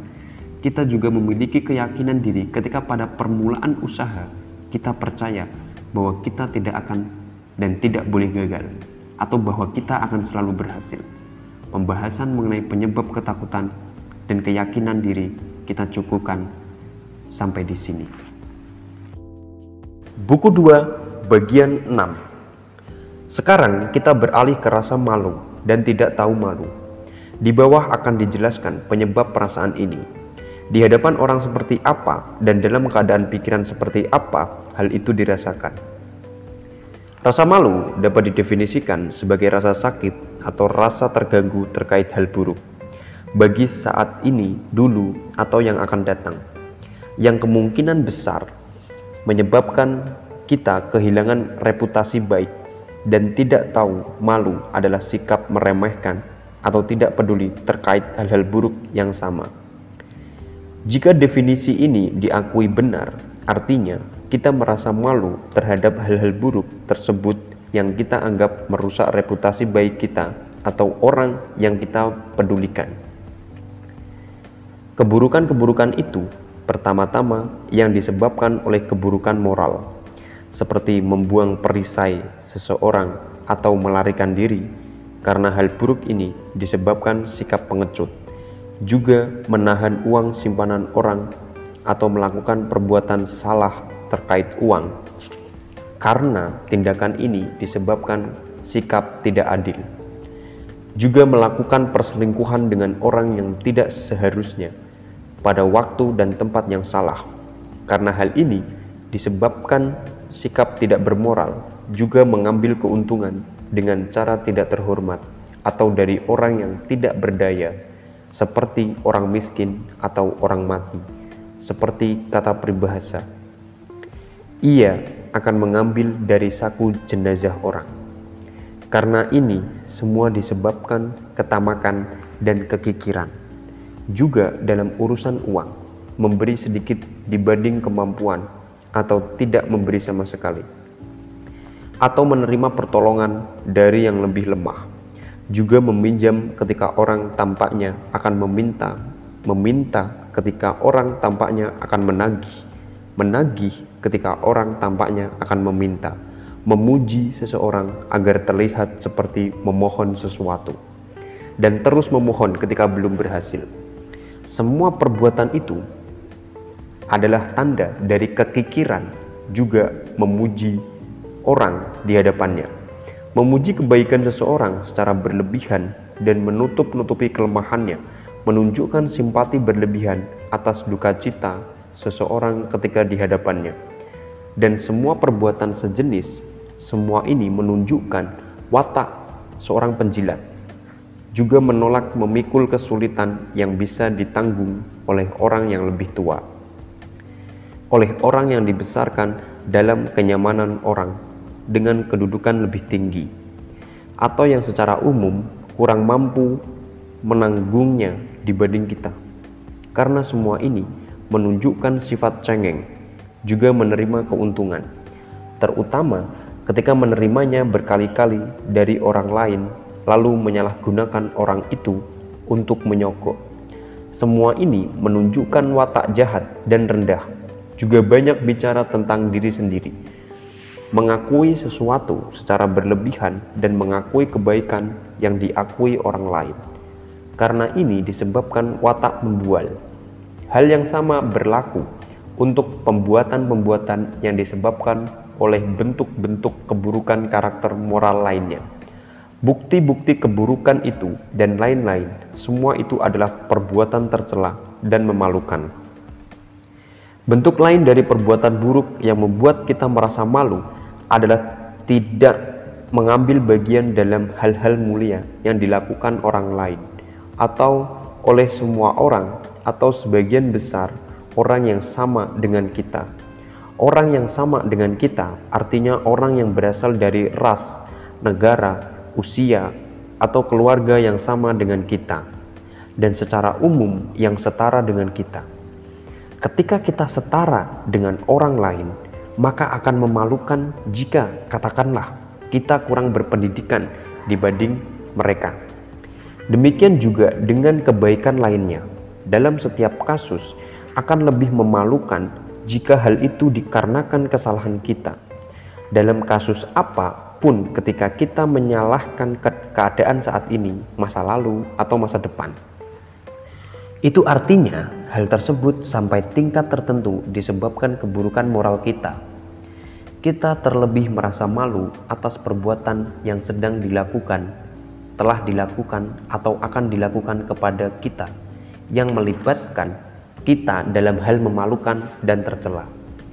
Seperti ketika kita menyerahkan orang kita atau meminjamkan milik kita untuk perbuatan tidak bermoral. Contohnya, ketika kita tunduk pada kekejaman, tindakan-tindakan yang tunduk pada hasrat berlebihan orang lain juga adalah hal memalukan. Entah dikehendaki atau tidak dikehendaki, atau menyerah pada paksaan adalah contoh yang tidak dikehendaki. Karena menyerah ketundukan pada hal-hal tersebut dikarenakan tidak adanya keberanian atau pengecut.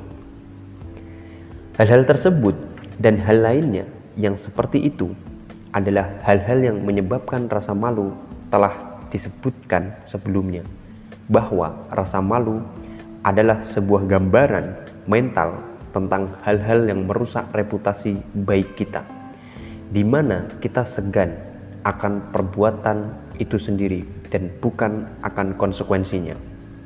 Dan kita hanya akan peduli pada opini yang ada mengenai kita, tergantung pada siapa yang membentuk opini itu.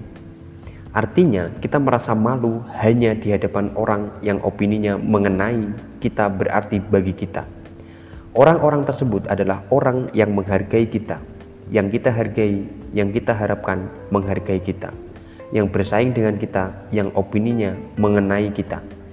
Kita hargai, kita menghargai mereka yang memiliki hal-hal baik yang sangat berharga, dan berharap mereka menghargai kita, atau yang darinya kita sangat menginginkan sesuatu yang dapat mereka berikan, seperti yang dirasakan seorang pecinta. Kita pun bersaing dengan orang yang setara dengan kita kita menghormati pandangan orang yang bijaksana sebagai kebenaran, seperti orang yang lebih tua dan yang berpendidikan baik. Kita merasa lebih malu mengenai hal yang dilakukan secara terbuka di depan mata semua orang, sehingga ada peribahasa, rasa malu letaknya di mata. Karena alasan ini, kita merasa teramat malu di hadapan mereka yang akan selalu bersama kita dan yang mengetahui apa yang kita lakukan. Karena dalam kedua kasus itu, pandangan mata tertuju pada kita. Kita juga merasakan teramat malu di hadapan mereka yang tidak terbuka untuk kesalahan yang sama sebagaimana kita. Karena tentunya opini mereka tentang hal itu bertentangan dengan kita. Juga di hadapan mereka yang bersikap keras kepada siapa pun yang mereka pikir berbuat salah.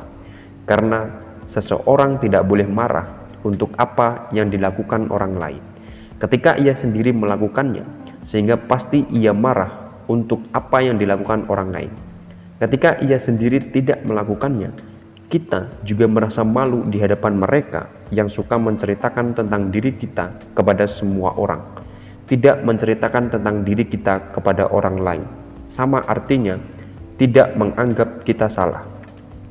Orang cenderung menceritakan diri kita kepada orang lain jika kita berbuat salah kepada mereka, karena mereka sedang mencari kesempatan untuk mencelakai kita, atau jika ia memang orang yang suka berbicara tentang keburukan setiap orang, karena yang menyerang orang-orang yang tidak bersalah tentunya akan lebih siap menyerang orang yang bersalah. Kita juga merasa malu di hadapan mereka yang kesibukan utamanya adalah menjatuhkan tetangganya Orang-orang seperti pengarang satire dan penulis drama komedi, mereka benar-benar jenis pengkritik dan pendusta. Kita juga merasa malu di hadapan orang yang belum pernah mengetahui kita mendapatkan kemalangan karena sikap mereka kepada kita sejauh ini sama dengan penghormatan. Itu sebabnya kita merasa malu untuk menolak mereka yang meminta kebaikan kita untuk pertama kalinya kita belum kehilangan reputasi baik di hadapan mereka. Orang-orang seperti itu adalah orang yang baru mulai berharap untuk menjadi teman kita, karena mereka baru melihat sisi baik kita saja. Karenanya, kepantasan jawaban Euripides terhadap orang-orang Sirakusa adalah baik, termasuk juga kenalan-kenalan lama kita yang tidak mengetahui rusaknya reputasi kita. Kita malu tidak hanya terhadap perbuatan memalukannya secara aktual, melainkan juga terhadap bukti-bukti mengenainya. Contohnya, tidak hanya tentang perbuatan selingkuhnya secara aktual, melainkan juga terhadap bukti-bukti mengenai hal itu. Tidak hanya terhadap tindakan memalukannya, melainkan juga terhadap pembicaraan memalukan tetangganya, tentangnya. Dengan cara yang sama, kita merasa malu tidak hanya terhadap keberadaan orang-orang yang disebutkan di atas, melainkan juga terhadap mereka yang akan menceritakan apa yang telah kita lakukan, seperti pembantu atau teman kita. Dan secara umum, kita tidak merasa malu di hadapan orang yang opininya kita anggap tidak dapat dipercaya. Tidak ada yang merasa malu di hadapan anak kecil atau hewan. Kita juga tidak merasa malu atas hal yang sama di hadapan teman akarib dan juga di hadapan orang tidak dikenal di hadapan teman karib atas apa yang tampak sebagai kesalahan sesungguhnya di hadapan orang asing atas apa yang tampak sebagai kesalahan konvensional. Kondisi-kondisi di mana kita akan merasa malu adalah pertama, hadirnya orang yang memiliki hubungan dengan kita.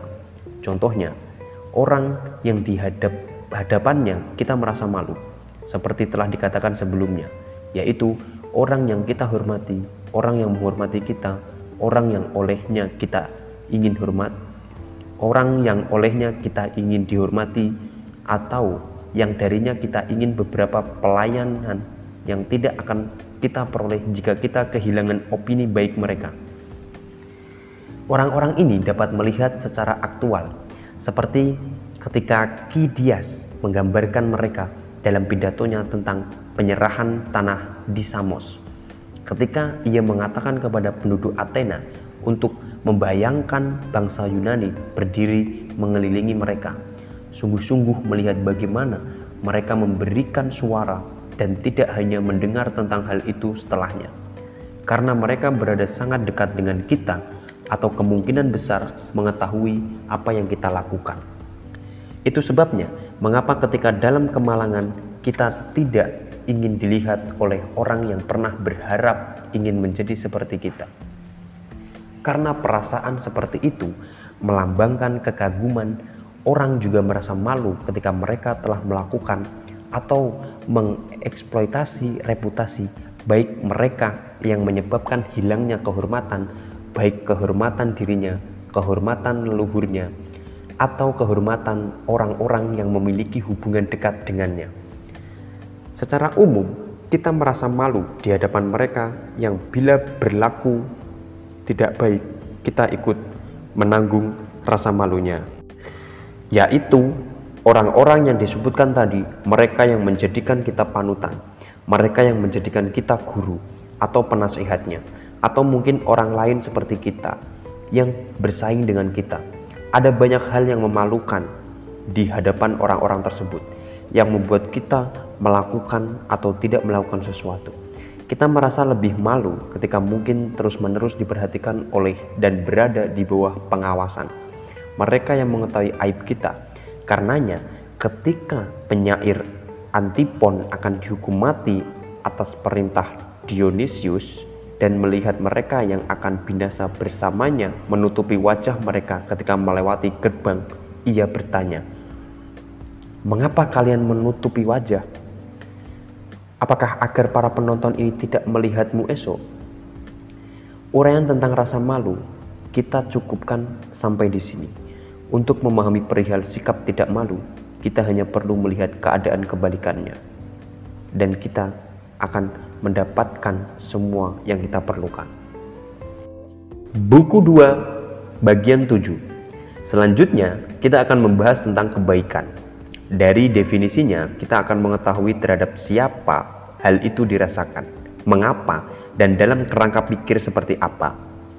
Kebaikan dengan berpegangan pada gambaran tentang bagaimana seseorang dikatakan baik dapat didefinisikan sebagai pertolongan terhadap seseorang yang memerlukan, bukan untuk mendapatkan balasan apa pun, bukan pula untuk keuntungan orang yang membantu, tetapi untuk keuntungan orang yang dibantu. Kebaikan bernilai besar jika ditunjukkan kepada seseorang yang sangat memerlukannya, atau yang memerlukan sesuatu yang penting dan sulit didapat atau yang memerlukannya pada saat keadaan genting yang mendesak dan sulit, atau jika orang yang bisa membantunya adalah satu-satunya orang pertama atau orang utama yang bisa memberikan bantuan. Kebutuhan dasar adalah bagian dari kebutuhan yang bernilai besar. Beberapa kebutuhan tertentu, jika tidak didapatkan, akan menimbulkan rasa sakit. Kebutuhan biologis dasar adalah salah satu kebutuhan jenis tersebut. Contohnya, hasrat seksual dan kebutuhan yang muncul ketika tubuh dalam keadaan terluka dan dalam bahaya. Kebutuhan biologis dasar akan bersifat aktif ketika dalam keadaan bahaya dan dalam keberadaan rasa sakit. Karenanya, mereka yang berada bersama kita di dalam kemiskinan dan pembuangan, meski tidak membantu banyak, sungguh telah membuat baik kepada kita, karena kebutuhan kita saat itu sangat besar dan keadaan saat itu menekan. Contohnya, orang yang memberi tikar untuk digunakan di Lyceum, sekolah yang didirikan Aristoteles. Oleh karenanya, jika memungkinkan pertolongan harus bisa memenuhi jenis-jenis kebutuhan yang disebutkan tadi. Apabila tidak, pertolongan harus bisa memenuhi kebutuhan lain sejenis atau yang lebih besar. Kita sudah melihat terhadap siapa, mengapa, dan dalam kondisi seperti apa kebaikan diperlihatkan. Fakta-fakta inilah yang harus kita gunakan untuk membentuk basis dari argumen kita. Kita harus menunjukkan bahwa orang yang dibantu sedang atau telah berada dalam kondisi rasa sakit dan kebutuhan seperti telah dijelaskan di atas, dan bahwa penolongnya memberi atau sedang memberi jenis pertolongan sesuai jenis kebutuhan yang dijelaskan di atas. Kita juga dapat melihat bagaimana cara menghapuskan gagasan kebaikan dan membuat pihak lawan kita terlihat tidak baik. Kita dapat berargumen bahwa pihak lawan membantu atau telah membantu hanya demi kepentingan mereka sendiri. Hal ini, sebagaimana disebutkan di atas, bukanlah kebaikan atau bahwa perbuatan mereka dilakukan secara kebetulan atau karena dipaksa atau bahwa mereka tidak melakukan kebaikan, melainkan hanya membalas kebaikan orang. Entah mereka mengetahuinya atau tidak. Dalam kedua kasus itu, diketahui dan tidak diketahui. Keduanya hanya membalas kebaikan, dan dengan demikian itu bukan kebaikan. Bahkan jika pelakunya tidak mengetahui persoalan sesungguhnya, dalam meninjau subjek bahasan ini, kita harus melihat pada semua kategori sebuah tindakan dapat dianggap kebaikan karena satu, merupakan suatu hal yang spesifik, dua, memiliki ukuran spesifik, tiga, memiliki kualitas spesifik, empat, dilakukan pada waktu tertentu, lima, dilakukan pada tempat tertentu. Untuk menunjukkan bukti dari tidak adanya kebaikan, kita bisa menunjukkan bahwa bantuan kecil tidak diberikan kepada orang yang sedang memerlukan, atau bahwa kebaikan yang sama atau yang setara atau lebih besar telah diberikan kepada lawan. Fakta ini menunjukkan bahwa kebaikan tersebut tidak dilakukan demi orang yang perlu dibantu. Kita juga bisa menunjukkan bahwa hal yang diinginkan tersebut adalah sesuatu yang tidak berharga dan bahwa yang membantu mengetahui hal itu karena tidak ada orang yang akan mengakui bahwa ia memerlukan sesuatu yang tidak berharga. Bagian 8. Kita cukupkan pembahasan mengenai kebaikan dan ketidakbaikan. Sekarang mari kita bicarakan tentang belas kasihan. Mencari tahu hal-hal yang membangkitkan rasa belas kasihan kepada orang seperti apa dan dalam keadaan pikiran seperti apa belas kasihan dirasakan. Rasa belas kasihan dapat didefinisikan sebagai rasa sakit yang disebabkan oleh terlihatnya kejahatan yang destruktif atau menyakitkan yang menimpa seseorang yang tidak pantas menerimanya yang kita pikir akan menimpa diri kita atau teman kita dan terlebih ketika tampak akan menimpa kita segera untuk merasakan kasihan jika kita harus dapat berasumsi bahwa beberapa hal buruk dapat menimpa kita atau beberapa teman kita, yaitu hal buruk yang sama seperti yang telah dinyatakan dalam definisi kita tadi, atau lebih kurang yang semacam itu. Rasa kasihan dengan demikian tidak dirasakan oleh mereka yang sudah hancur total, yang tidak menganggap akan ada keburukan berikutnya yang dapat menimpa mereka. Karena yang terburuk sudah menimpa mereka, rasa kasihan juga tidak dirasakan oleh mereka yang membayangkan dirinya sangat beruntung. Mereka lebih dikuasai perasaan melecehkan yang angkuh karena ketika mereka berpikir mereka memiliki semua kebaikan hidup, maka baginya tidak mungkin ada hal buruk yang akan menimpanya. Hal ini merupakan salah satu kebaikan yang telah kita bicarakan.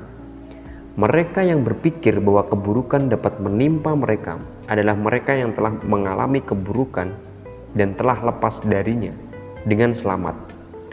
Contohnya orang tua, karena kebijaksanaan dan pengalamannya. Orang yang lemah, terutama orang yang cenderung pengecut, dan juga orang terdidik karena mereka memiliki pandangan yang jauh ke depan. Mereka yang memiliki orang tua yang masih hidup, anak atau istri juga berpikir bahwa keburukan dapat menimpa mereka karena mereka yang dimilikinya adalah bagian dari dirinya, dan keburukan di atas dapat dengan mudah menimpa mereka. Rasa kasihan tidak dirasakan oleh mereka yang tidak tergerak hatinya oleh emosi keberanian seperti kemarahan atau rasa percaya diri. Karena emosi-emosi ini tidak mempertimbangkan masa depan. juga oleh mereka yang tidak tergerak hatinya karena dikuasai sikap melecehkan yang angkuh. Karena orang yang melecehkan juga tidak mempertimbangkan kemungkinan buruk yang akan menimpa mereka. Yang merasa kasihan hanya mereka yang berada di antara dua perasaan ekstrim tadi. Rasa kasihan juga tidak dirasakan oleh mereka yang tidak tergerak hatinya oleh ketakutan yang besar, karena mereka dikuasai oleh perasaan yang sedang mereka alami. Untuk merasa kasihan, kita juga harus mempercayai kebaikan setidaknya pada beberapa orang. Jika kita menganggap tidak ada orang yang baik, kita akan berpikir bahwa setiap orang pantas mendapat keburukan. Secara umum, kita merasa kasihan kapan pun kita berada dalam kondisi mengingat kemalangan yang sama yang telah terjadi kepada kita atau teman kita, atau berpikir hal itu bisa menimpa kita di masa depan. Begitu banyak kondisi mental atau keadaan pikiran yang membuat kita merasa kasihan. Apa yang membuat kita merasa kasihan telah dinyatakan dengan jelas dalam definisi rasa belas kasihan. Semua hal tidak menyenangkan dan menyakitkan akan membangkitkan rasa kasihan jika hal itu menghancurkan dan membinasakan. Jika keburukannya serius, semua keburukan tersebut terjadi disebabkan adanya kesempatan. Keburukan yang menyakitkan dan destruktif adalah kematian dalam berbagai bentuknya, luka badan dan segala rasa sakitnya, usia tua, penyakit, kelaparan, keburukan karena adanya kesempatan adalah tidak punya teman, sedikit teman, atau terpisah dari teman dan rekan adalah hal yang menimbulkan rasa kasihan, cacat tubuh, kelemahan, mutilasi, atau pengerusakan keburukan muncul dari sumber dari mana? Kebaikan seharusnya datang. Kemalangan adalah keburukan yang berulang kali terjadi. Datangnya kebaikan ketika hal terburuk terjadi juga menimbulkan rasa kasihan. Contohnya, kedatangan hadiah dari Maharaja untuk di Opaites setelah kematiannya.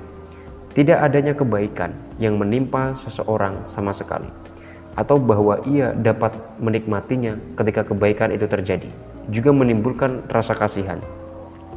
Dengan demikian, dasar yang membuat kita merasa kasihan adalah hal-hal yang di atas atau yang seperti di atas. Orang yang kita kasihani adalah yang kita kenal. Hanya jika mereka tidak sangat dekat hubungannya dengan kita. Jika kasusnya menimpa orang yang sangat dekat hubungannya dengan kita, kita merasa seolah kita sendiri yang dalam bahaya.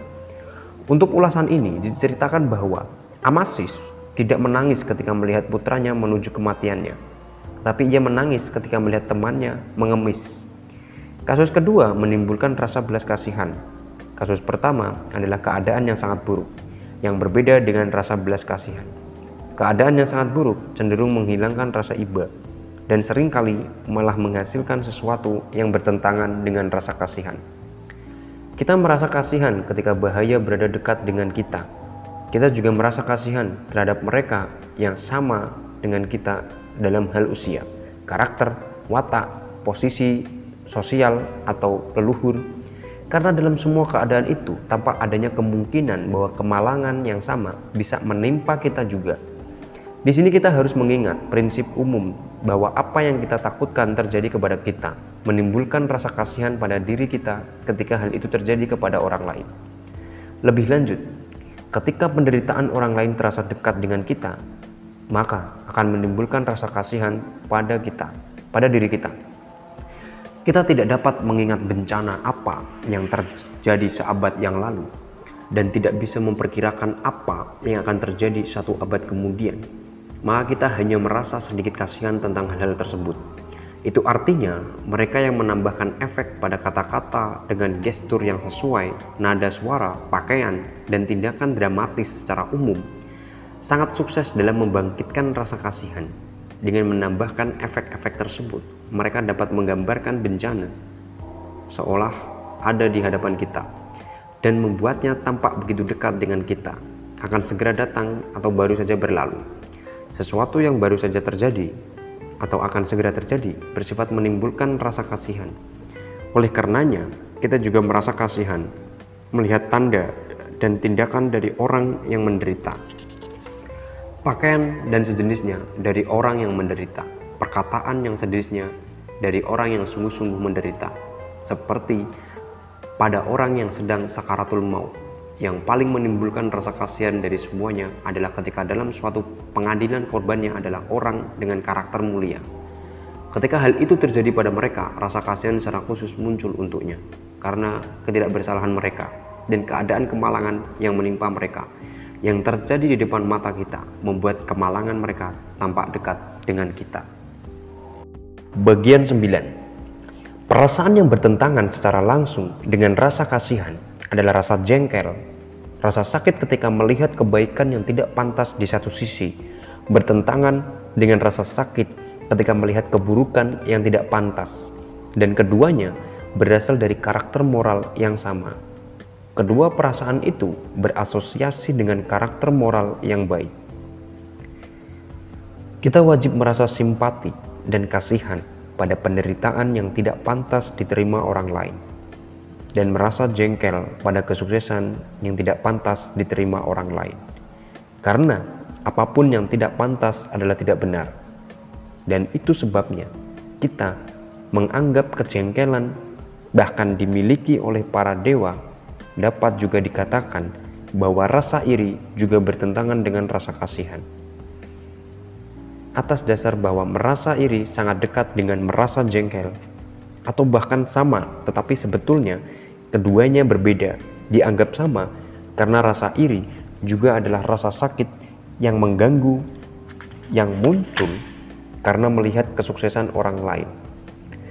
Tetapi bukan karena kesuksesan pada orang yang tidak pantas menerimanya, melainkan kesuksesan pada orang-orang yang seperti kita atau setara dengan kita, kedua perasaan itu memiliki kesamaan bahwa keduanya disebabkan bukan oleh hal yang tidak diharapkan yang akan menimpa kita, melainkan oleh apa yang menimpa orang lain.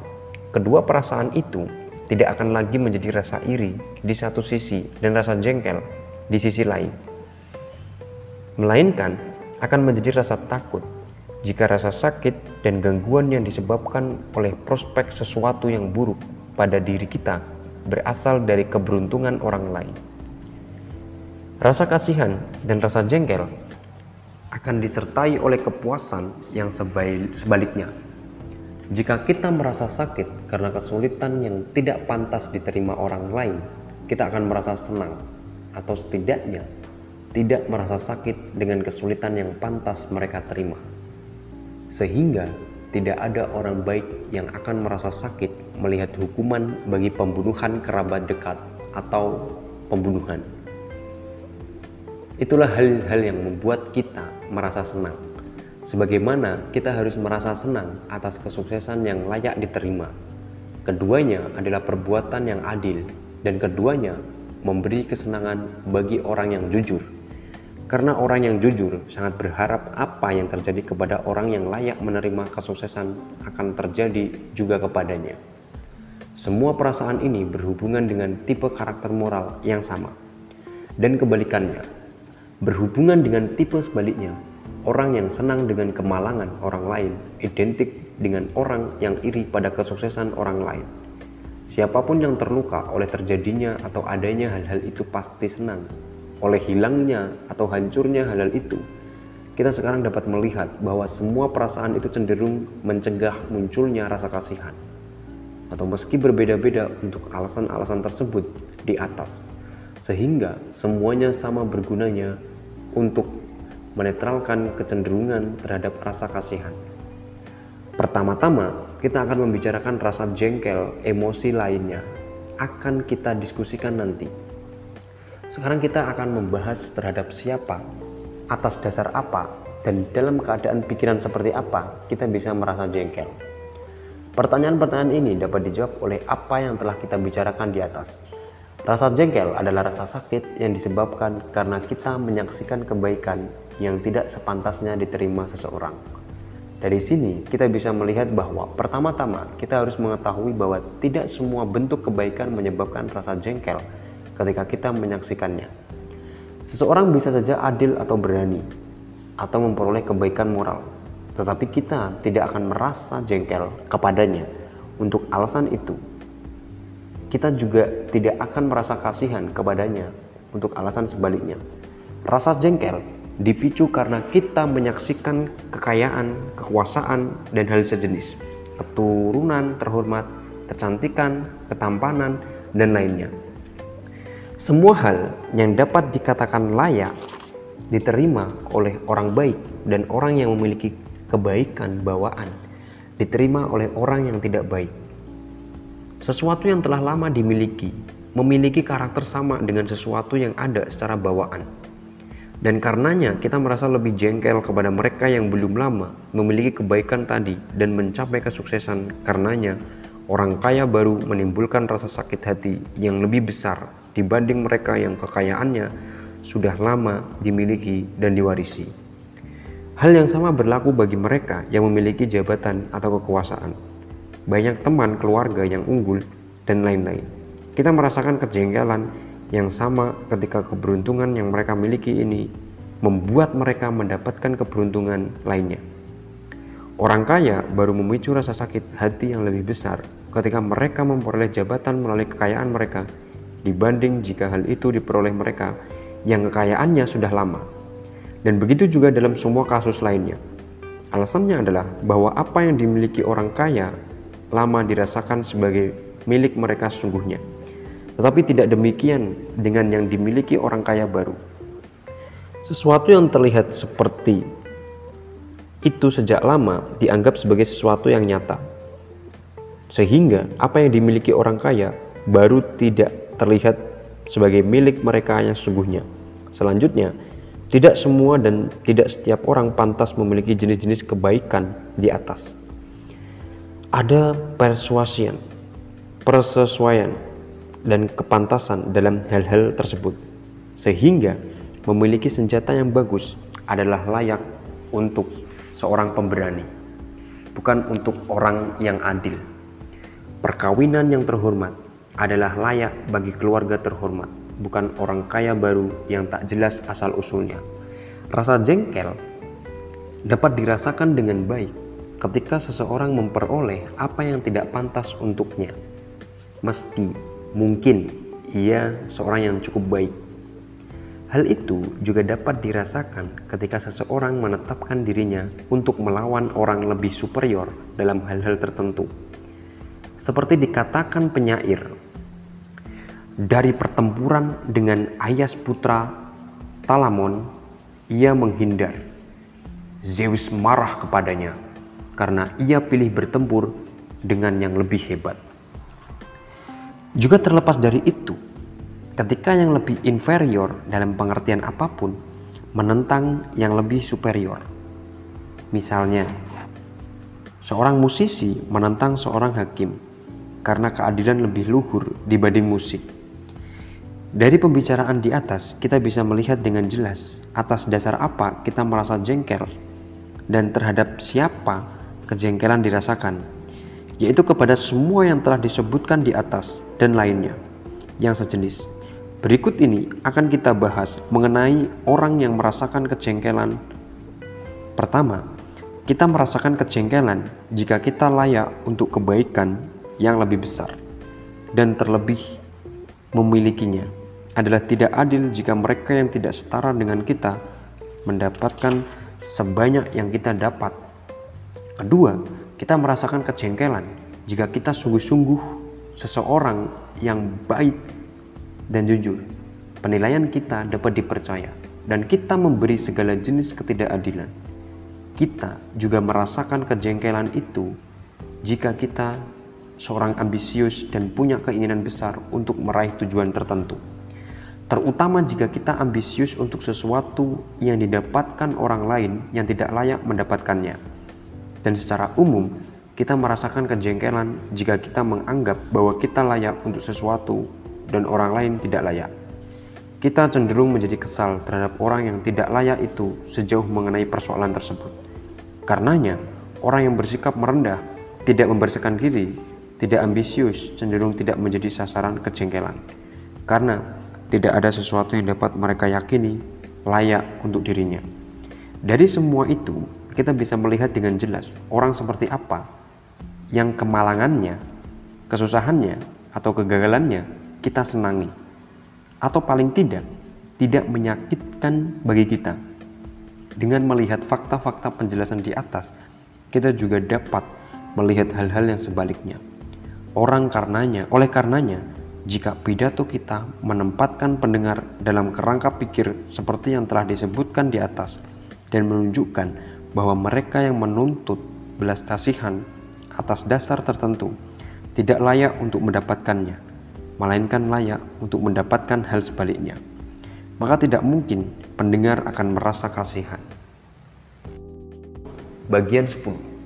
Berikutnya, kita akan membahas rasa iri agar kita dapat melihat atas dasar apa, terhadap orang seperti apa, dan dalam keadaan pikiran seperti apa kita merasakannya.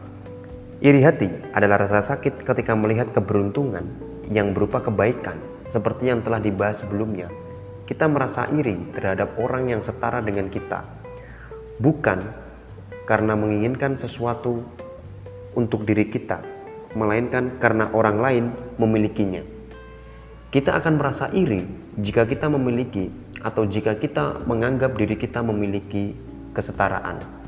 Kesetaraan yang saya maksud adalah setara dalam hal keturunan, pertalian keluarga, usia, karakter moral, keistimewaan, atau kekayaan. Kita juga merasa iri jika kita gagal ketika sedikit lagi kita memiliki segalanya. Itu sebabnya orang dengan jabatan tinggi dan makmur merasa iri mereka berpikir setiap orang mengambil miliknya. Kita juga merasa iri jika kita luar biasa istimewa dalam hal tertentu dan terutama jika hal itu adalah kebijaksanaan atau hal baik. Orang yang ambisius lebih iri hati dibandingkan yang tidak ambisius. Begitu juga mereka yang mengaku bijaksana, mereka berambisi dianggap bijak. Secara umum, mereka yang bertujuan mendapat reputasi dalam sesuatu hal merasa iri hati dalam hal itu. Orang yang berpikiran sempit juga suka iri hati karena segalanya tampak besar baginya. Hal-hal baik yang menimbulkan rasa iri telah kita bahas sebelumnya. Perbuatan atau kepemilikan yang menimbulkan kecintaan pada reputasi kehormatan, keinginan untuk dikenal, serta berbagai keberuntungan hampir semuanya menjadi subjek bahasan dari rasa iri. Dan terutama jika kita sendiri menginginkan hal itu atau menganggap kita berhak atas hal itu, atau jika dengan memilikinya kita sudah menjadi sedikit berada di atas yang lain, atau jika dengan tidak memilikinya kita menjadi sedikit berada di bawah orang lain.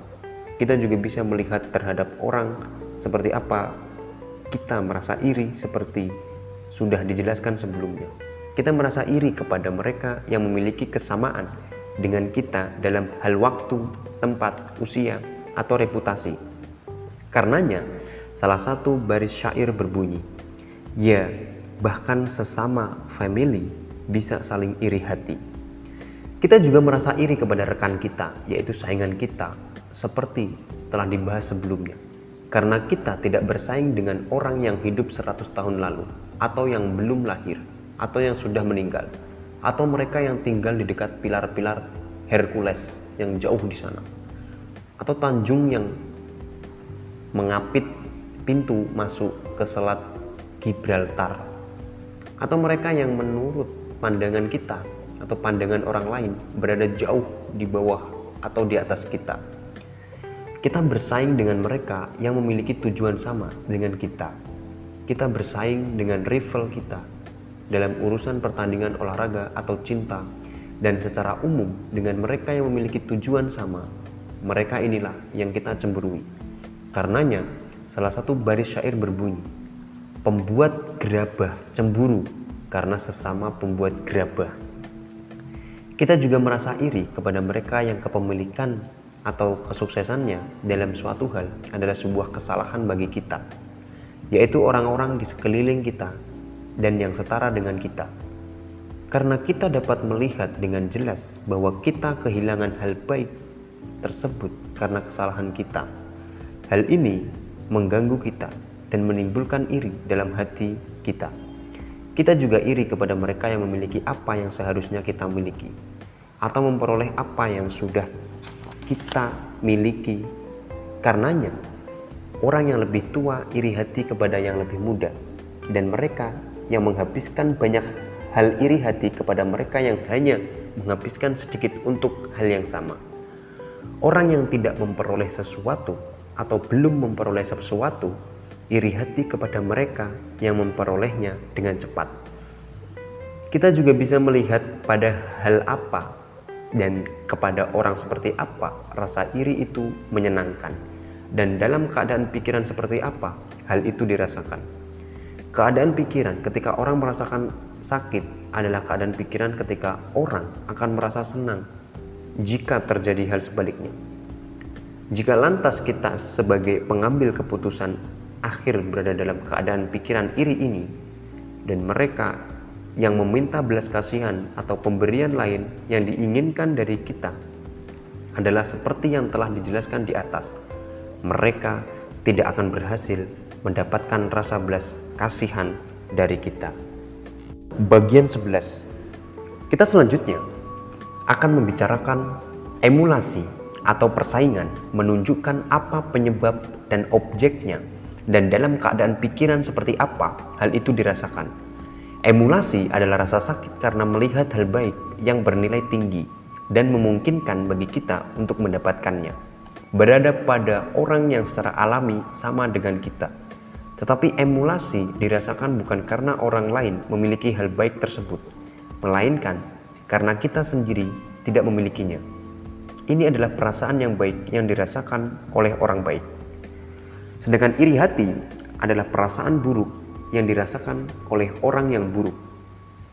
Emulasi membuat kita mengambil langkah untuk mendapatkan hal baik tersebut. Iri hati membuat kita mengambil langkah untuk menghentikan orang lain memiliki hal tersebut. Emulasi cenderung dirasakan oleh orang yang meyakini dirinya layak mendapatkan hal baik yang belum mereka peroleh tersebut. Kita bisa pahami bahwa orang tidak akan menginginkan hal yang tampak tidak mungkin. Oleh karenanya, emulasi dirasakan oleh orang muda dan orang yang memiliki watak angkuh.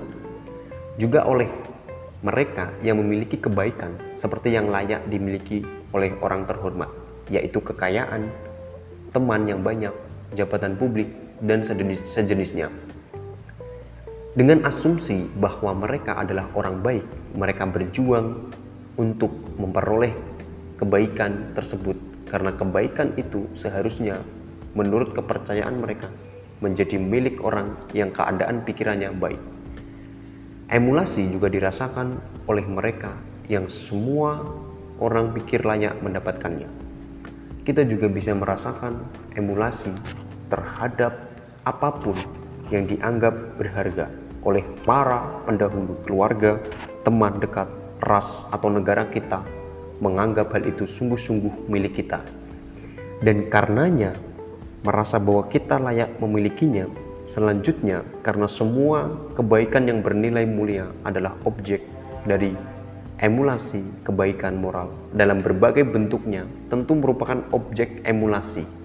Juga semua kebaikan yang berguna dan berfaedah bagi orang lain karena manusia menghormati mereka yang baik secara moral dan yang berjasa kepada mereka. Begitu juga dengan kebaikan milik kita lainnya yang dapat memberikan kesenangan bagi orang di sekeliling kita seperti kekayaan dan kecantikan, ketampanan, alih-alih kesehatan. Kita juga bisa melihat orang seperti apa yang menjadi objek dari perasaan ini. Mereka adalah yang memiliki kebaikan seperti yang telah dijelaskan sebelumnya dan sejenisnya seperti keberanian, kebijaksanaan, jabatan publik, pemegang jabatan publik, jenderal militer, orator, dan semua yang memiliki kekuasaan sejenis dapat berbuat baik kepada banyak orang. Begitu juga mereka yang banyak orang berharap bisa menjadi sepertinya mereka yang memiliki banyak kenalan atau teman, mereka yang dihormati atau yang kita sendiri menghormatinya, dan mereka yang dipuji dan dimuliakan oleh penyair atau penulis prosa adalah orang-orang yang dapat berbuat baik kepada banyak orang. Orang yang memiliki hal ke kebalikannya adalah objek untuk direndahkan. Karena perasaan dan gagasan, merendahkan adalah kebalikan dari gagasan emulasi.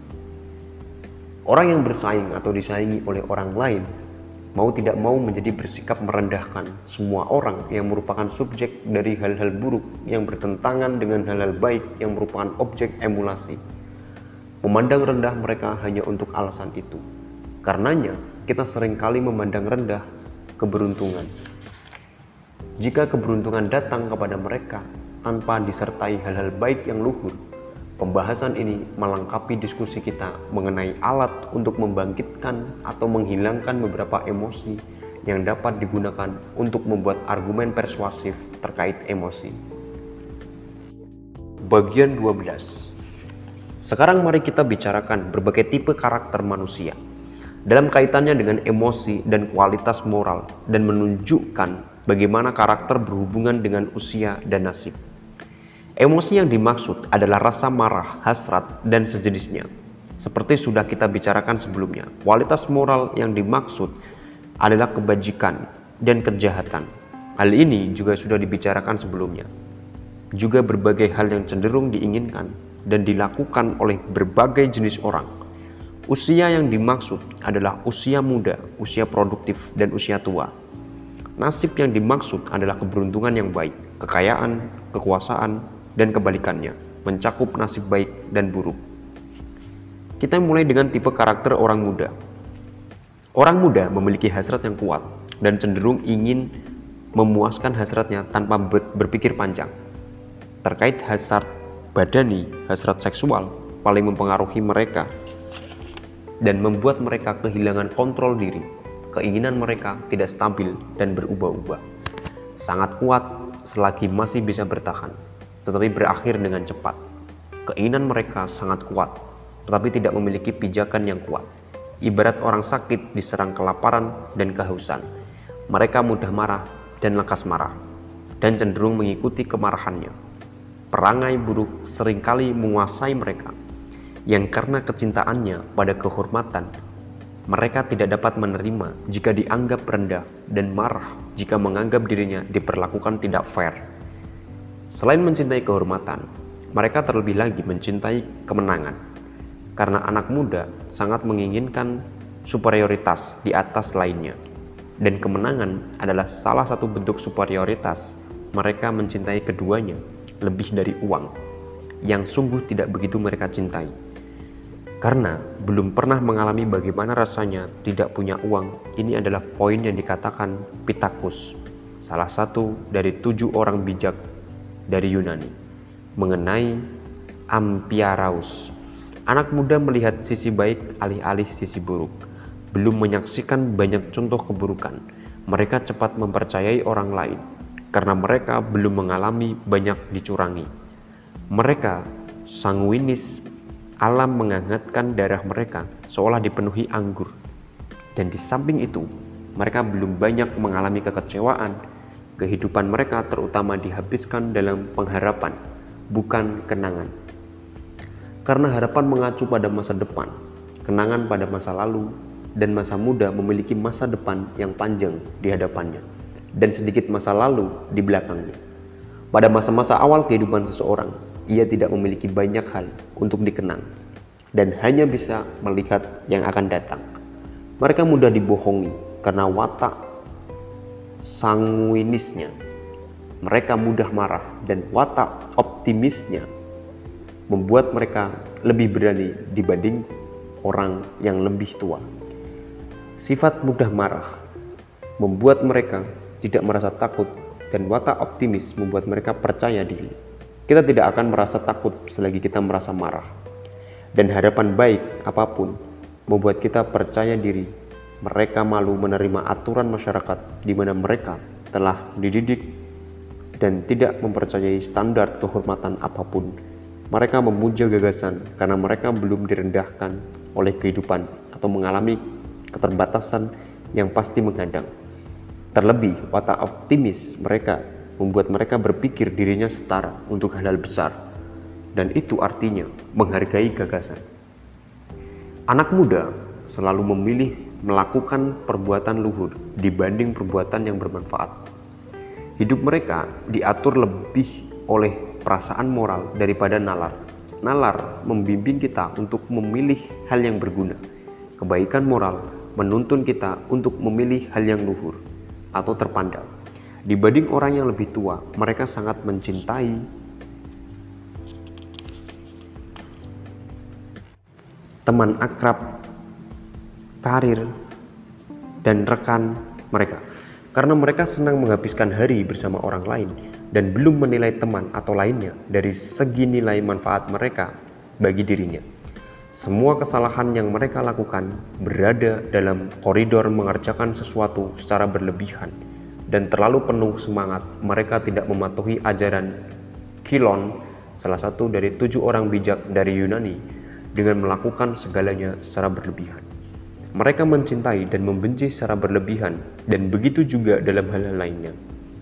Mereka berpikir mereka tahu segalanya dan selalu merasa benar-benar yakin akan hal tersebut.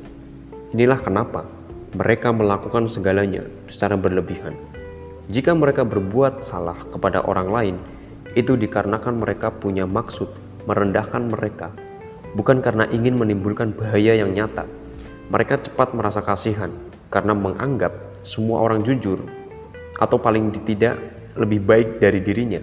Mereka menilai orang di sekelilingnya dengan sifat alami mereka yang tidak berbahaya sehingga tidak berpikir mereka layak diperlakukan tidak adil. Mereka sangat menyukai hal-hal jenaka dan karenanya mereka bersifat humoris. Humor membuat kemarahan tersajikan dengan baik. Bagian 13. Itulah karakter orang muda.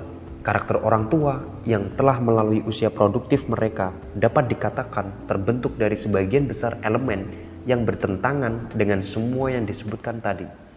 Mereka telah hidup sekian lama, mereka telah sering diperlakukan atau berbuat salah, dan hidup secara keseluruhan adalah urusan yang menyusahkan. Hasilnya adalah mereka tidak yakin dalam banyak hal yang melakukan segalanya setengah hati. Mereka berpikir, tapi tidak pernah mengetahui, dan karena kebimbangan mereka selalu menambahkan kata mungkin atau barangkali, menempatkan segala hal dengan cara ini dan tidak pernah bersikap positif. Mereka sinis, yaitu cenderung menempatkan tafsiran terburuk dalam hal apa pun lebih jauh. Pengalaman hidup mereka membuat mereka bersikap tidak mudah percaya dan mencurigai adanya hal-hal buruk. Konsekuensinya, mereka tidak mencintai dengan hangat dan tidak membenci dengan pahit, tetapi mengikuti nasihat bias, salah satu dari tujuh orang bijak di hari Yunani, mereka mencintai seolah suatu saat akan membenci dan membenci seolah suatu saat akan mencintai. Mereka berpikir sempit karena mereka telah pernah direndahkan kehidupan. Keinginan mereka ditetapkan tidak lebih luhur atau lebih tinggi daripada apa yang dapat membuat mereka tetap hidup. Mereka tidak royal karena uang adalah sesuatu yang harus mereka miliki dan pada saat yang sama pengalaman mereka mengajarkan betapa sulit mendapatkannya dan begitu mudahnya menghabiskannya. Orang tua bersikap pengecut dan selalu mengantisipasi bahaya. Tidak seperti orang muda yang berdarah panas, temperamen, mereka dingin. Usia tua telah membentuknya menjadi seorang pengecut. Ketakutan faktanya adalah bentuk dari hati yang dingin. Mereka mencintai kehidupan dan lebih-lebih lagi ketika hari-hari terakhir hidupnya telah semakin dekat. Karena objek dari semua keinginan adalah sesuatu yang belum kita miliki. Dan juga karena kita sangat menginginkan sesuatu yang sangat kita butuhkan. Mereka juga sangat mencintai dirinya. Ini adalah salah satu perwujudan sempit pikir mereka. Karena hal ini, mereka memadu, memandu hidup mereka dengan terlalu banyak pertimbangan mengenai mana yang berguna dan terlalu sedikit pertimbangan mengenai apa yang bernilai luhur. Karena hal yang berguna adalah hal yang baik bagi seseorang dan hal yang bernilai luhur adalah hal yang baik secara absolut. Mereka tidak memalu, tetapi malah tidak tahu malu, tidak terlalu peduli pada sesuatu yang bernilai luhur dibanding yang bermanfaat. Mereka tidak terlalu memikirkan apa yang orang pikirkan tentang mereka mereka tidak memiliki keyakinan tentang masa depan. Sebagian karena pengalaman, karena segala hal berjalan buruk atau memburuk dibanding yang diharapkan. Dan sebagian karena kepengecutan mereka, mereka hidup dengan kenangan alih-alih dengan harapan. Karena kehidupan yang tersisa lebih sedikit dibanding masa yang telah berlalu dan teramat panjang. Harapan adalah tentang masa depan, kenangan adalah tentang masa lalu. Inilah yang menyebabkan mereka begitu banyak berbicara. Mereka terus-terusan berbicara tentang masa lalu karena mereka menikmati mengenangnya. Kemarahan mereka muncul mendadak tetapi tidak kuat. Hasrat sensual mereka telah hilang sama sekali atau telah kehilangan energi. Konsekuensinya, mereka tidak merasakan besarnya hasrat mereka dan tindakan mereka sedikit dipengaruhi oleh apa yang mereka rasakan dibanding oleh keinginan mendapatkan sesuatu. Karenanya, orang pada usia ini seharusnya memiliki karakter pengendalian diri. Faktanya bahwa hasrat mereka telah melemah dan mereka menjadi budak dari keinginan memperoleh sesuatu. Orang tua memandu kehidupan mereka dengan nalar dibanding dengan perasaan moral. Nalar menuntun kepada utilitas dan perasaan moral kepada kebaikan moral. Jika mereka berbuat jahat kepada orang lain, mereka memang ingin melukai, bukan sekedar merendahkan.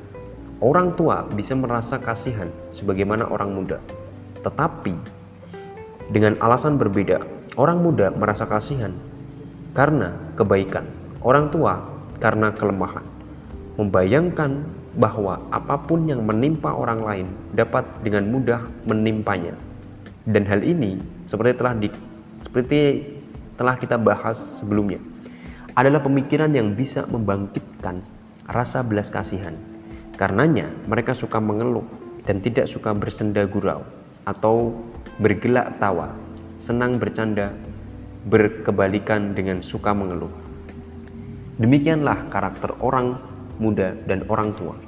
Orang selalu menganggap baik pidato yang sesuai dengan merefleksikan karakter mereka dan sekarang kita bisa mengetahui bagaimana menyusun pidato yang bisa mengadaptasi pidato dan karakter kita untuk audiens. Bagian 14. Untuk orang yang berada dalam usia produktif, dengan mudah kita akan menemukan bahwa mereka memiliki karakter antara orang muda dan orang tua, bebas dari sikap ekstrim keduanya. Mereka tidak memiliki rasa percaya diri berlebihan yang menyebabkan tindakan tergesa-gesa, juga tidak terlalu malu-malu, melainkan memiliki kadar yang benar bagi masing-masing sikap. Mereka tidak mempercayai setiap orang dan tidak mencurigai setiap orang, tetapi menilai orang dengan benar. Kehidupan mereka tidak dipandu oleh salah satu pertimbangan mengenai apa yang bernilai luhur atau yang berguna, melainkan oleh keduanya.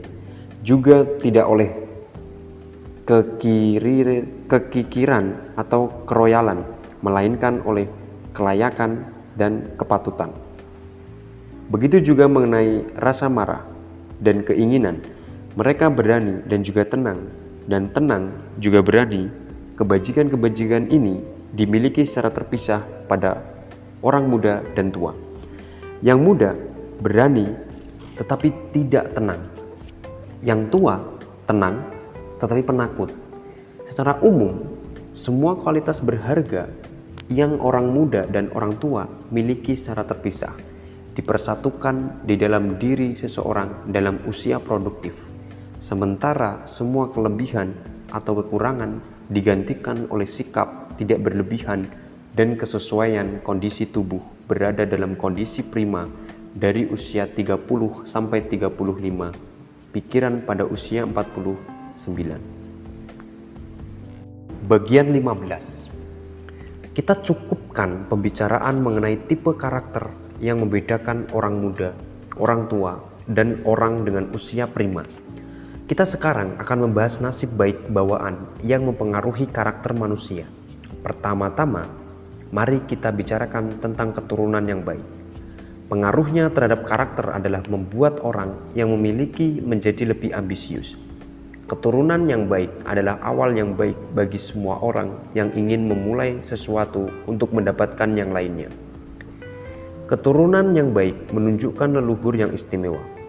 Orang dengan keturunan baik akan memandang rendah bahkan kepada mereka yang sama baik dengan pendahulunya. Karena keistimewaan yang berusia tua lebih terhormat dibanding yang berusia baru dan lebih baik untuk disombongkan. Keturunan yang baik yang artinya lahir dari garis keturunan yang unggul harus dibedakan dari kebangsawanan. Kebangsawanan yang merupakan sifat alami keluarga yang sesungguhnya kualitas tidak selalu ditemukan pada orang dari keturunan baik. Kebanyakan mereka hidup miskin dalam generasi manusia, sebagaimana sesuatu yang dihasilkan bumi hasilnya beragam. Kadang-kadang, ketika garis keturunannya baik, orang yang luar biasa dihasilkan untuk sementara waktu, lalu penurunan kualitas terjadi. Garis keturunan yang pandai kadang menurun kualitasnya menjadi tipe karakter yang sangat bodoh seperti keturunan Alkibiades atau yang lebih tua Dionysus garis keturunan bijaksana menjadi tipe karakter bodoh dan lambat seperti keturunan Cimon, Perikles, dan Socrates. Buku 2 bagian 16 Tipe karakter yang dihasilkan oleh kekayaan bisa dengan mudah dilihat oleh siapa pun. Orang kaya meremehkan dan sombong. Kekayaan yang dimilikinya mempengaruhi pemahaman mereka. Mereka merasa seolah memiliki segala hal baik yang ada. Kekayaan menjadi semacam standar nilai untuk segalanya. Dan karenanya, mereka membayangkan tidak ada yang tidak dapat dibeli oleh harta. Mereka mewah dan suka pamer mewah karena kemewahan hidup yang mereka jalani dan kemakmuran yang mereka perlihatkan.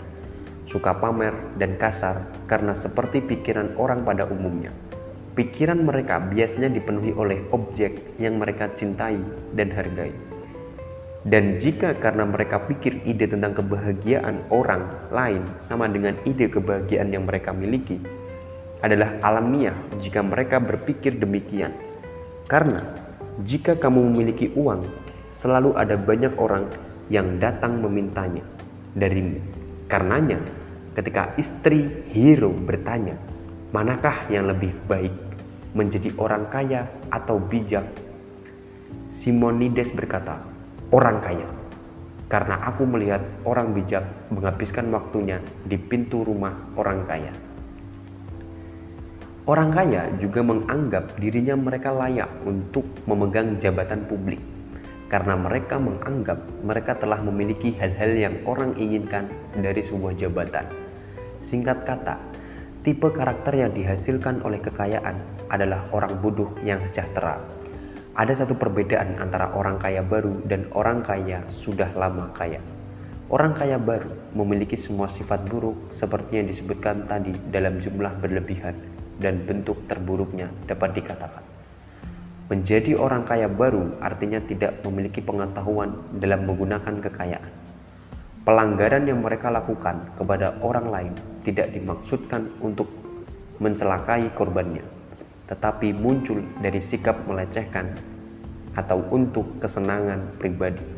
Misalnya, kejahatan yang berakhir dengan ancaman atau pelecehan seksual. Bagian 17 Mengenai kekuasaan juga dapat dikatakan bahwa tipe karakter yang dihasilkannya mudah untuk diketahui.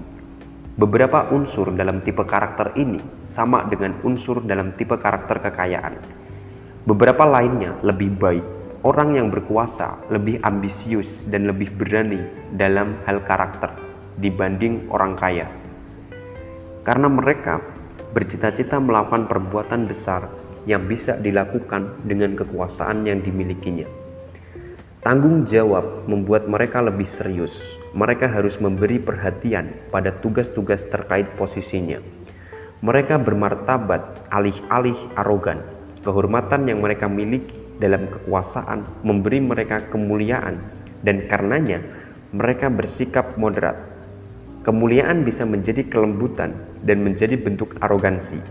Jika berbuat salah kepada orang lain, mereka melakukannya dalam skala besar. Nasib baik dengan berbagai jenisnya menghasilkan tipe karakter dengan kondisi-kondisi seperti yang dijelaskan tadi. Karena faktanya, kondisi-kondisi tersebut kurang lebih merupakan jenis-jenis nasib baik yang dianggap paling penting. Dapat ditambahkan bahwa nasib baik memungkinkan kita memperoleh semua yang bisa kita peroleh terkait kebahagiaan, keluarga, dan keuntungan badani. Hal itu sesungguhnya membuat orang jadi lebih angkuh dan sembrono. Tetapi ada satu sifat unggul yang ada bersamanya, yaitu kesolehan dan penghormatan pada kekuasaan ilahiyah yang mereka percayai karena mereka mengalami peristiwa-peristiwa yang sungguh-sungguh merupakan hasil dari sebuah kebetulan. Pembahasan tipe karakter yang berhubungan dengan perbedaan usia atau nasib baik akan kita akhiri sampai di sini. Untuk memahami tipe karakter sebaliknya, yaitu yang miskin, orang yang bernasib buruk, dan orang yang tidak memiliki kekuasaan, kita hanya harus mempertanyakan kualitas-kualitas sebaliknya dari yang sudah dibahas. Bagian 18 Pidato persuasif digunakan untuk mengarahkan sebuah pengambilan keputusan. Ketika kita mengetahui sesuatu dan keputusan mengenai hal itu telah diambil, tidak ada gunanya lagi berbicara tentang hal itu. Hal ini juga berlaku jika seseorang berbicara kepada seorang lainnya dan meminta orang itu untuk melakukan atau tidak melakukan sesuatu. Karena ketika kita menegur seseorang untuk apa yang dilakukannya untuk mencoba mengubah pandangannya. Satu orang sama artinya dengan seluruh pendengar. Bisa dikatakan ia merupakan salah satu dari yang banyak. Kita bisa mengatakan tanpa pembatasan bahwa siapa pun adalah pendengar yang harus kita yakinkan. Bukan masalah apa kita ber, apakah kita berargumen terhadap lawan aktual nyata atau hanya dengan sebuah proposisi, gagasan atau pandangan. Dalam hal berargumen dengan proposisi, kita masih harus menggunakan pidato dan menjatuhkan argumen yang bertentangan dan kita menyerangnya sebagaimana kita menyerang lawan aktual. Prinsip ini kita pegang juga pada pidato seremonial. Penonton yang menghadiri pidato ini diperlakukan sebagai pendengar yang akan mengambil keputusan. Namun secara umum, satu-satunya orang yang bisa disebut sebagai pengambil keputusan adalah orang yang memutuskan perkara dalam persoalan sengketa publik, yaitu di pengadilan dan dalam debat politik. Pada keduanya ada perkara-perkara yang harus diputuskan.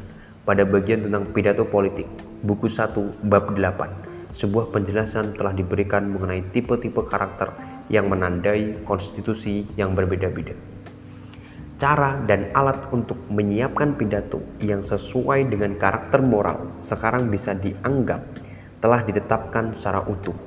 Masing-masing jenis pidato buku 1 bab 3 seperti sudah kita lihat memiliki tujuan spesifik sendiri-sendiri. Pada setiap jenis pidato itu, kita telah mencatat pandangan yang dapat diterima dan proposisi atau pernyataan seperti apa yang bisa kita jadikan dasar dalam membuat argumen. Baik pada pidato politik, seremonial, atau forensik, buku 1 bab 4 sampai 8, kita juga sudah menetapkan secara lengkap alat yang bisa digunakan untuk membuat pidato sesuai dengan karakter moral yang diperlukan. Buku 1 bab 9, 10 sampai 15. Selanjutnya, kita akan mendiskusikan argumen-argumen yang umum untuk semua jenis pidato semua orator selain harus menggunakan strategi argumen, juga harus menggunakan topik mungkin dan tidak mungkin, dan menunjukkan apakah sesuatu telah terjadi atau akan terjadi di masa depan. Topik ukuran juga adalah topik yang umum untuk semua jenis pidato.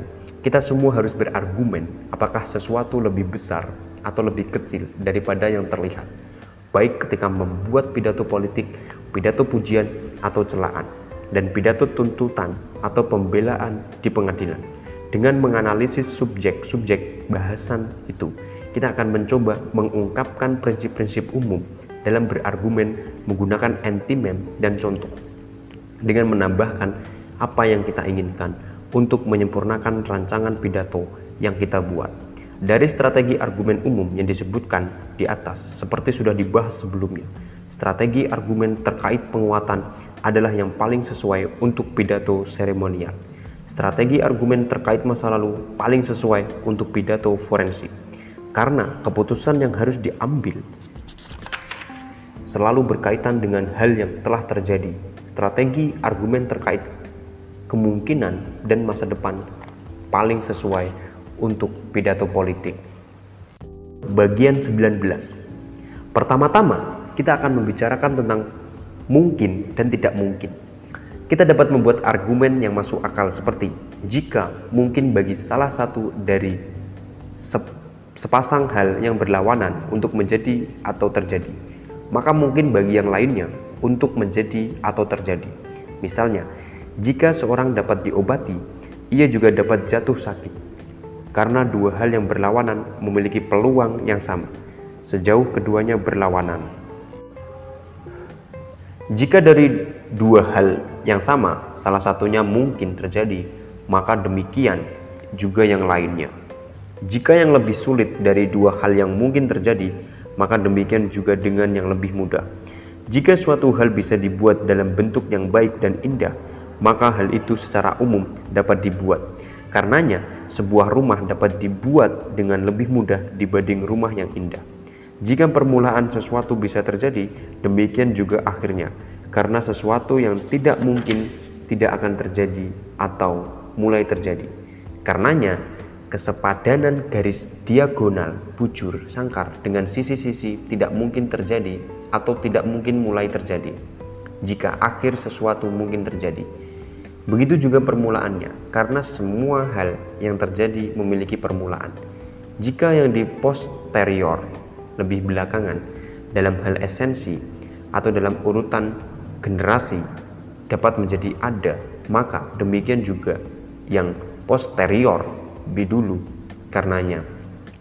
Jika seseorang pria dapat menjadi ada, begitu juga seorang anak laki-laki, karena anak laki-laki adalah lebih dulu dalam urutan generasi. Dan jika seorang anak laki-laki bisa menjadi ada, maka demikian juga seorang pria karena anak laki-laki ada lebih dulu. Hal yang kita cintai atau inginkan secara natural adalah hal yang mungkin karena lazimnya tidak ada orang yang mencintai atau menginginkan sesuatu yang tidak mungkin. Hal yang menjadi objek dari sains atau seni apa pun adalah hal yang mungkin dan ada atau dapat menjadi ada. Segala hal adalah mungkin jika langkah pertama untuk menghasilkannya tergantung pada orang tahu orang atau sesuatu yang bisa kita paksa atau bujuk untuk menghasilkannya melalui kekuatan kita, kendali kita atas hal itu atau hubungan pertemanan kita dengan mereka. Jika bagian dari sesuatu adalah mungkin, maka keseluruhannya adalah mungkin. Dan jika keseluruhan sesuatu adalah mungkin, biasanya bagian dari hal itu juga mungkin. Sehingga jika bukaan depan, penutup jari, dan kulit bagian atas bisa dibuat, maka sepatu bisa dibuat. Dan jika sepatu bisa dibuat, maka bukaan depan dan penutup jari bisa dibuat. Jika keseluruhan genus bisa terjadi, demikian juga spesiesnya. Dan jika spesies bisa terjadi, demikian juga genusnya.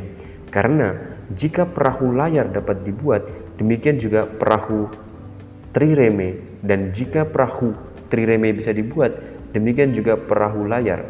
Jika dari dua hal yang keberadaannya saling tergantung satu sama lain, salah satunya adalah mungkin. Maka demikian juga dengan yang lainnya. Contohnya, jika yang double adalah mungkin, begitu juga yang sebagian dan jika yang sebagian adalah mungkin, begitu juga dengan yang double. Jika sesuatu bisa dihasilkan tanpa seni atau persiapan, maka ia bisa dihasilkan secara lebih pasti dengan penerapan seni yang teliti terhadapnya. Karenanya, Agaton berkata, beberapa hal harus kita dapatkan dengan seni. Lainnya karena nasib atau keberuntungan bisa kita dapatkan. Jika sesuatu mungkin bagi yang inferior, yang lebih lemah, dan yang lebih bodoh, maka lebih mungkin lagi bagi orang kebalikannya. Karenanya, Isokrates berkata bahwa adalah aneh jika ia tidak dapat menemukan sesuatu yang bisa ditemukan oleh Eutinus. Untuk topik ketidakmungkinan, kita bisa dengan mudah mendapatkannya dengan mengambil kebalikan dari argumen-argumen yang dinyatakan di atas. Terkait fakta masa lalu dapat dilihat dengan cara berikut. Pertama, di antara dua hal, jika hal yang peluang terjadinya lebih kecil telah terjadi, maka hal yang peluang terjadinya lebih besar pasti terjadi juga. Jika sesuatu hal yang biasanya mengikuti yang lainnya terjadi, maka hal yang mendahuluinya juga terjadi. Contohnya, jika seseorang melupakan sesuatu di suatu waktu, ia juga telah mengingatnya. Jika seseorang memiliki kekuasaan dan keinginan melakukan sesuatu, ia akan melakukannya. Karena setiap orang melakukan apa pun yang ingin ia lakukan kapan pun ia dapat melakukannya. Tidak ada yang dapat menghalanginya. Lebih lanjut, orang melakukan sesuatu jika ia menginginkannya dan tidak ada faktor eksternal yang mencegahnya. Atau jika ia memiliki kekuasaan untuk melakukannya dan pada saat yang sama sedang dalam keadaan marah atau jika ia memiliki kekuasaan untuk melakukannya dan hatinya telah berketetapan untuk melakukannya. Karena lazimnya orang akan melakukan apa yang diidamkannya jika mereka mampu. Orang yang tidak baik melakukannya karena tidak adanya kendali diri. Orang baik karena hatinya berketetapan untuk melakukan hal-hal baik. Jika sesuatu akan dilakukan, maka hal itu telah dilakukan. Jika seseorang akan melakukan sesuatu, ia telah melakukannya. Karena yang bermaksud melakukannya akan melakukannya. Jika suatu hal terjadi sebelum hal lain secara alami atau menjadi penyebab hal lain, maka hal lainnya akan terjadi juga. Contohnya, jika ada kilat, maka akan ada guru. Dan jika suatu tindakan telah diupayakan, maka hal itu telah dilakukan.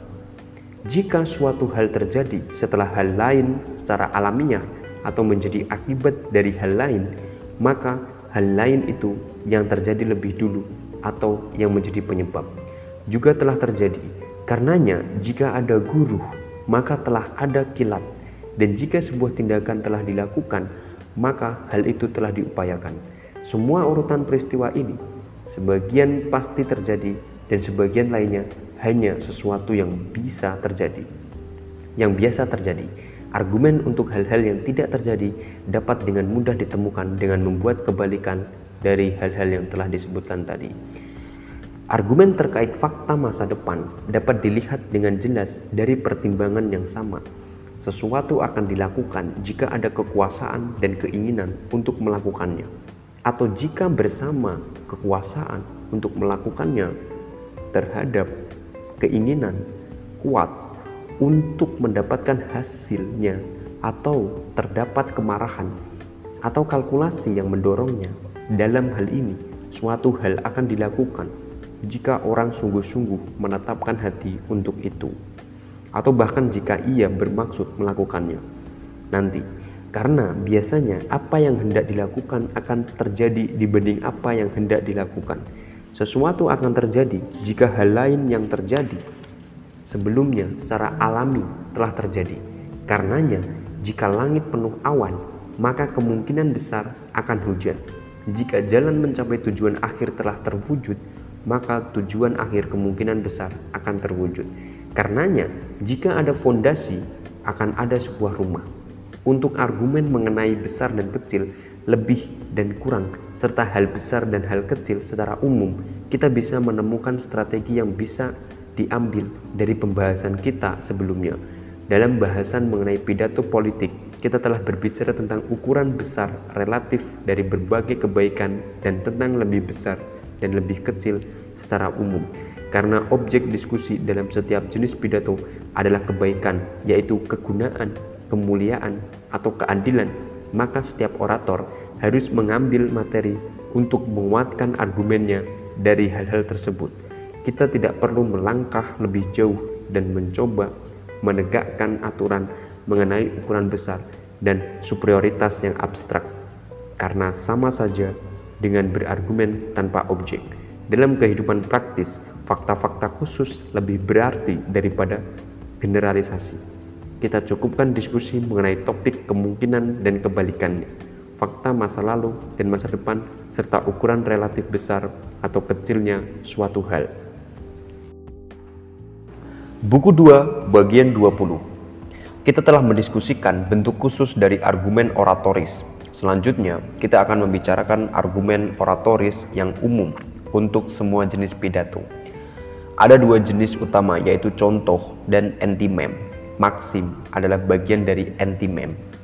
Kita akan pertama-tama membahas argumen dengan contoh karena contoh memiliki sifat induksi yang merupakan dasar dari penalaran logis.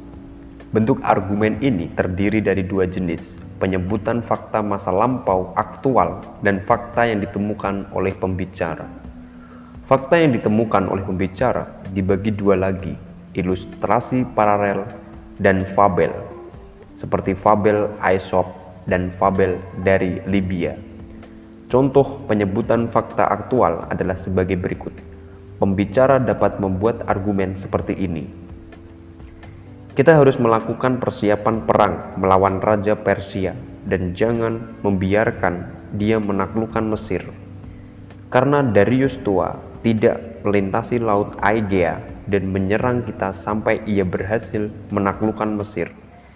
Tetapi ketika ia berhasil melakukannya, ia pun menyeberang begitu juga Herkes. Ia tidak menyerang kita sampai ia berhasil menaklukkan Mesir.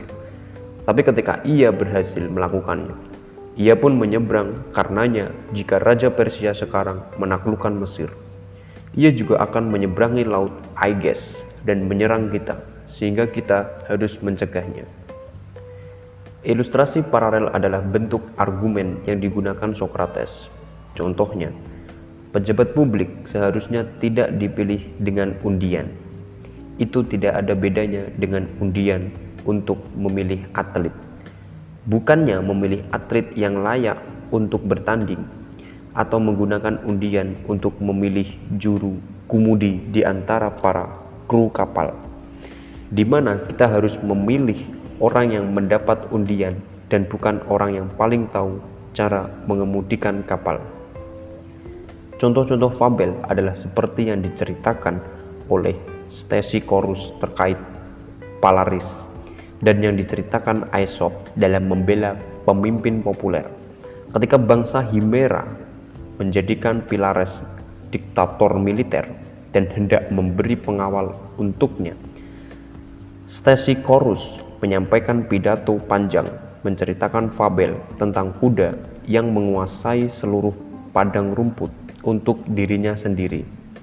Kemudian datang seekor rusa jantan dan mulai mengganggu padang rumputnya. Kuda yang ingin membalas perbuatan rusa meminta seorang manusia untuk membantunya. Manusia berkata, "Ya, aku akan membantu, asal kau izinkan aku mengekang dan menaiki punggungmu dengan membawa tombak."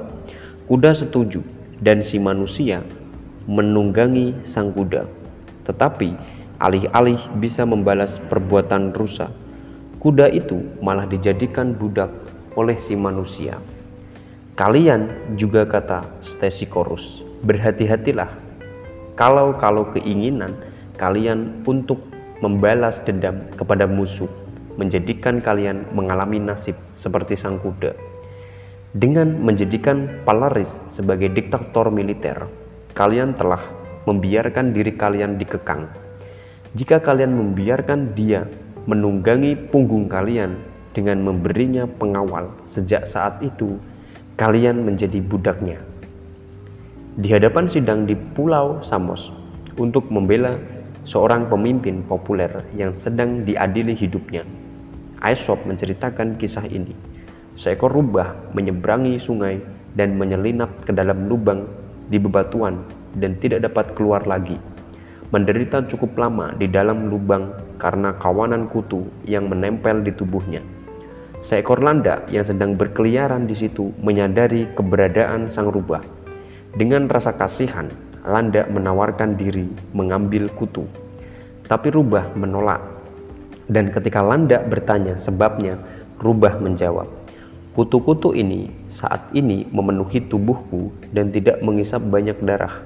Jika kau mengambil mereka, kutu lain akan datang dengan nafsu makan yang lebih besar dan mengisap seluruh darah yang tersisa di tubuhku.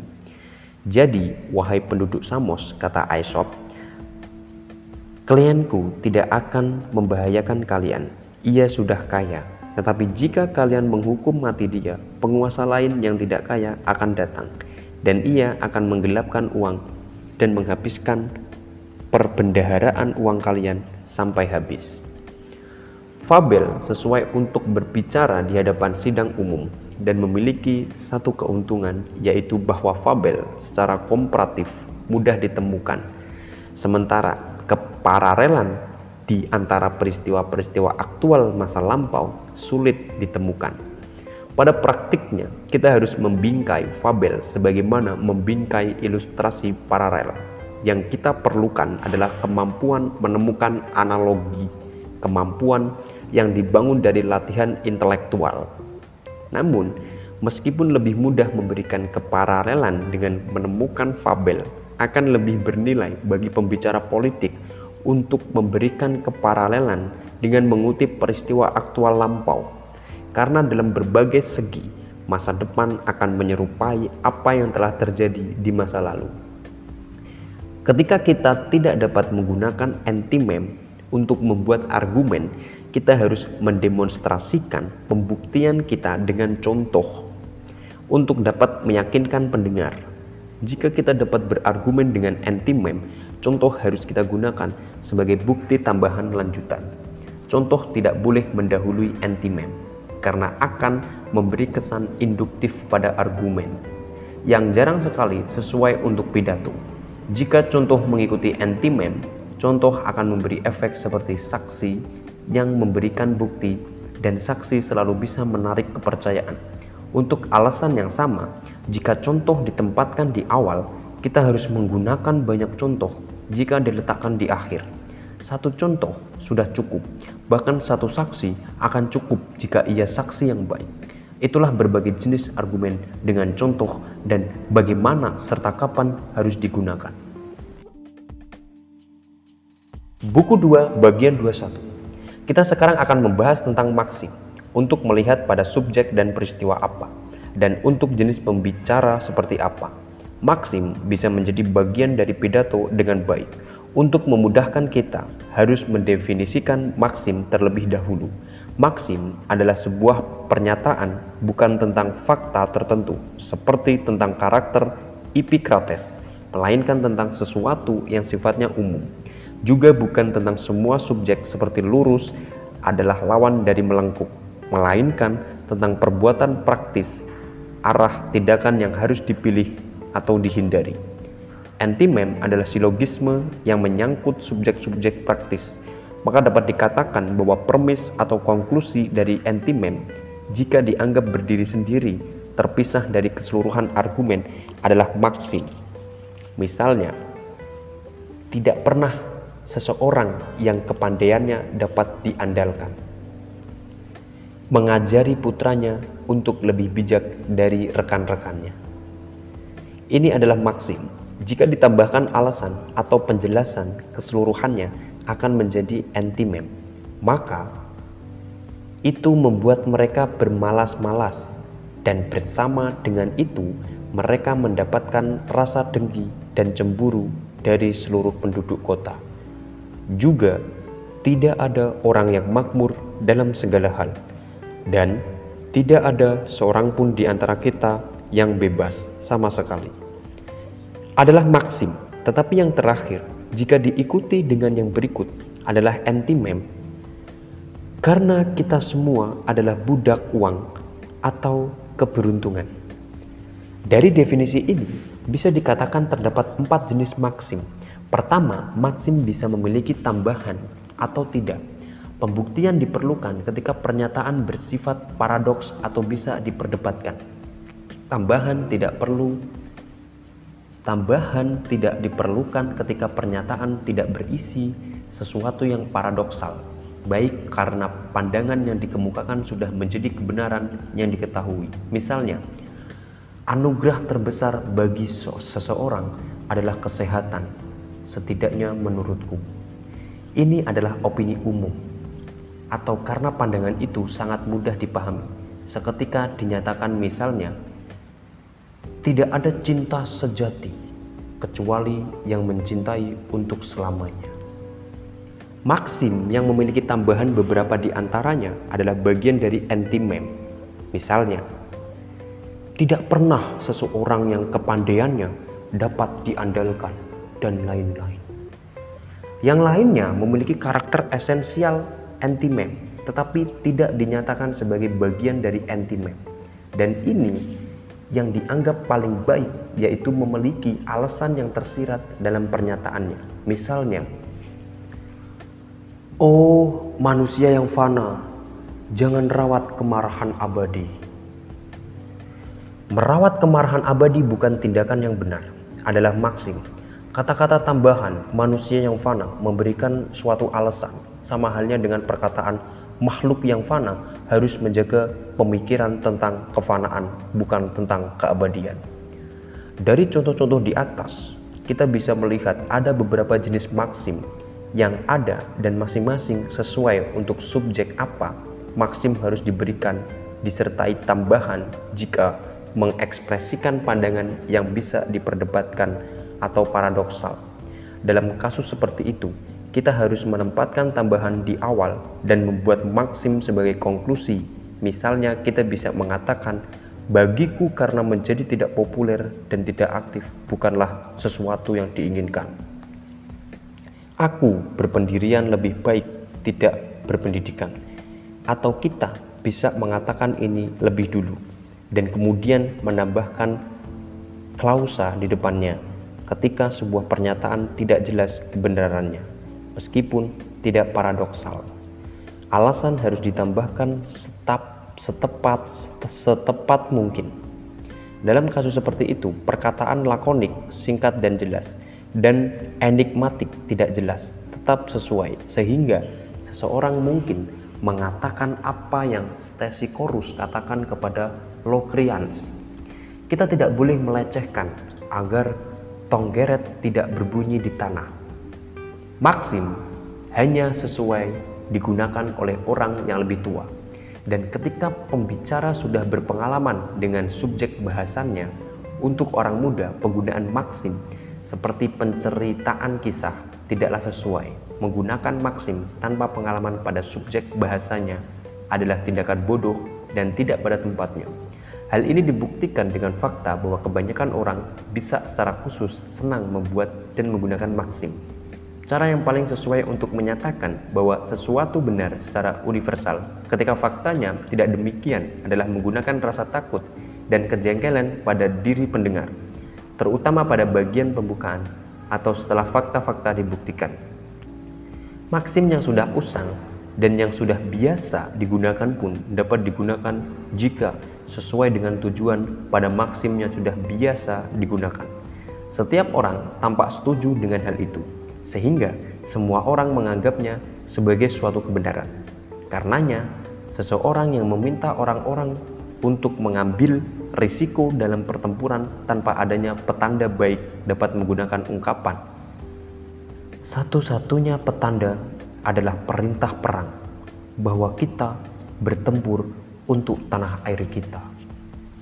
Atau ketika ia meminta orang-orang untuk menyerang kekuatan yang lebih besar dewa perang tidak memperlihatkan petanda baik. Atau ketika ia memerintahkan orang-orangnya untuk membunuh anak-anak tak berdosa dari musuh mereka. Adalah bodoh yang membunuh ayahnya dan meninggalkan anaknya untuk menuntut balas. Beberapa pepatah juga adalah maksim, misalnya pepatah tetangga Atik sesama warga semenanjung, At, semenanjung Atik. Kita tidak perlu menghindari mengutarakan maksim yang bertentangan dengan ujaran yang sudah menjadi milik publik, seperti ujaran "kenali dirimu" dan "jangan berlebih-lebihan". Jika dengan melakukannya akan memperbaiki opini pendengar mengenai karakter kita atau membawa efek emosi yang kuat. Contohnya, untuk memberi efek emosi yang kuat, pembicara yang marah sebaiknya mengatakan, perkataan banyak kita harus mengenal diri sendiri adalah tidak benar. Bagaimanapun, jika orang ini sudah mengenal dirinya, ia tidak akan pernah menganggap dirinya pantas memegang komando militer. Contoh lainnya, opini yang mengenai karakter kita akan lebih baik jika kita mengatakan misalnya, kita seharusnya tidak mengikuti ujaran yang menyarankan agar kita memperlakukan teman kita sebagai musuh masa depan.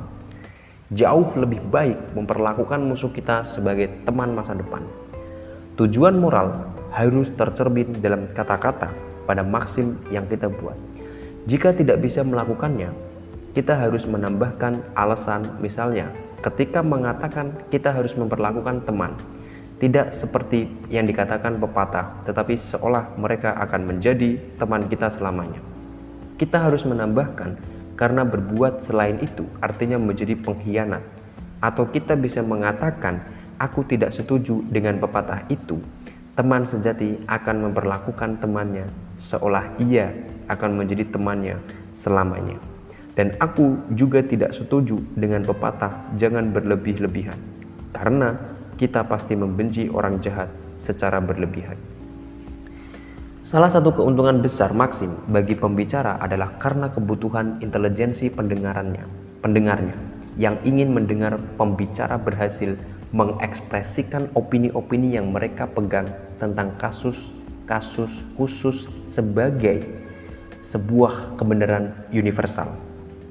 Saya akan menerangkan apa yang saya maksud dengan hal ini sekaligus menunjukkan bagaimana mendapatkan maksim yang diperlukan maksim sebagaimana telah dikatakan adalah sebuah pernyataan umum dan orang senang mendengar hubungan-hubungan khusus yang telah mereka yakini dinyatakan dalam istilah-istilah umum.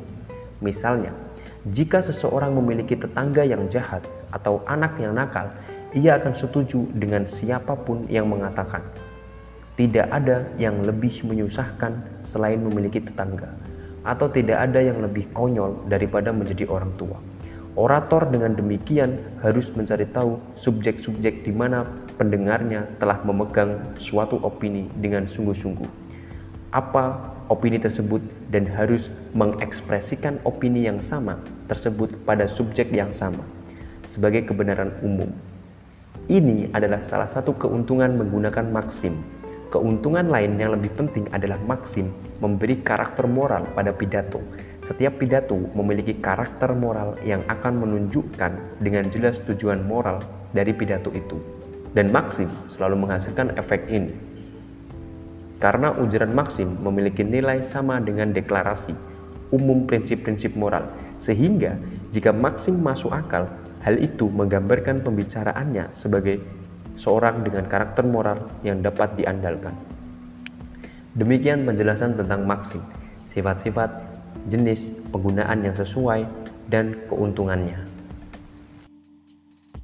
Buku 2 bagian 22 Sekarang kita akan membahas tentang anti-meme dan akan memulai subjek bahasan dengan tinjauan umum mengenai cara yang sesuai untuk mencari anti-meme dan strategi argumen yang harus diterapkan di dalamnya. Kita telah mengetahui bahwa anti-mem adalah silogisme. Dan dalam pengertian apa anti-mem sama dengan silogisme, kita juga telah mencatat perbedaan antara anti-mem dan silogisme. Dialektika.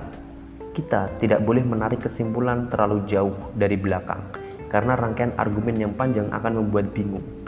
Kita juga tidak boleh memasukkan semua langkah dalam pengambilan kesimpulan agar tidak terlalu banyak pembicaraan untuk sesuatu yang sudah jelas.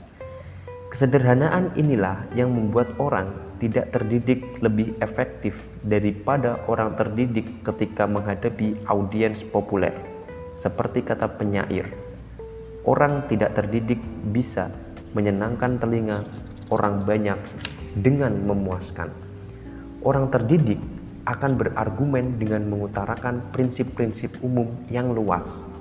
Orang tidak terdidik berargumen dengan pengetahuan umum dan menarik kesimpulan dengan jelas. Karenanya, kita tidak boleh membuat argumen dari semua opini yang dapat diterima, melainkan hanya dari opini yang telah ditetapkan, yaitu oleh pendengar atau oleh orang yang wewenangnya diakui pendengar. Tidak boleh ada keraguan dalam pikiran sebagian besar atau semua pendengar. Opini yang diberikan harus benar-benar jenis yang telah ditetapkan tadi. Argumen juga harus didasarkan pada kemungkinan dan juga kepastian. Hal pertama yang harus kita ingat, baik argumen kita berkaitan dengan urusan publik maupun subjek lain, kita harus mengetahui beberapa atau semua fakta tentang subjek yang akan kita bicarakan dan kita buat argumennya. Jika tidak, kita tidak bisa mendapatkan material untuk mengkonstruksi argumen.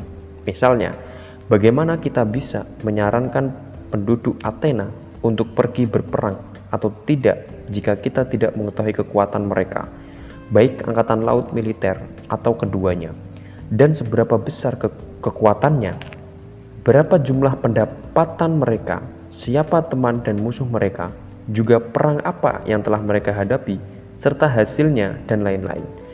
Bagaimana kita bisa memuji mereka jika kita tidak tahu apa pun tentang pertempuran laut di Salamis atau perang maraton atau apa yang mereka lakukan dari Herakleida, anak-anak Herakles, atau fakta lain sejenis semua pidato pujian eulogi dibuat berdasarkan perbuatan mulia yang nyata atau imajiner yang dapat memberi kredit kepada yang dipuji. Di, dengan prinsip yang sama, pidato celaan dibuat berdasarkan fakta-fakta sebaliknya. Orator mencari perbuatan-perbuatan rendah yang nyata atau imajiner yang bisa digunakan untuk mendiskreditkan mereka yang diserangnya.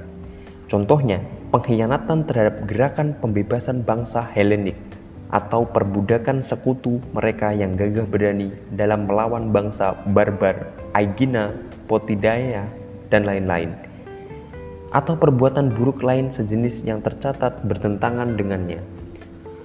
Begitu juga dalam suatu sidang pengadilan.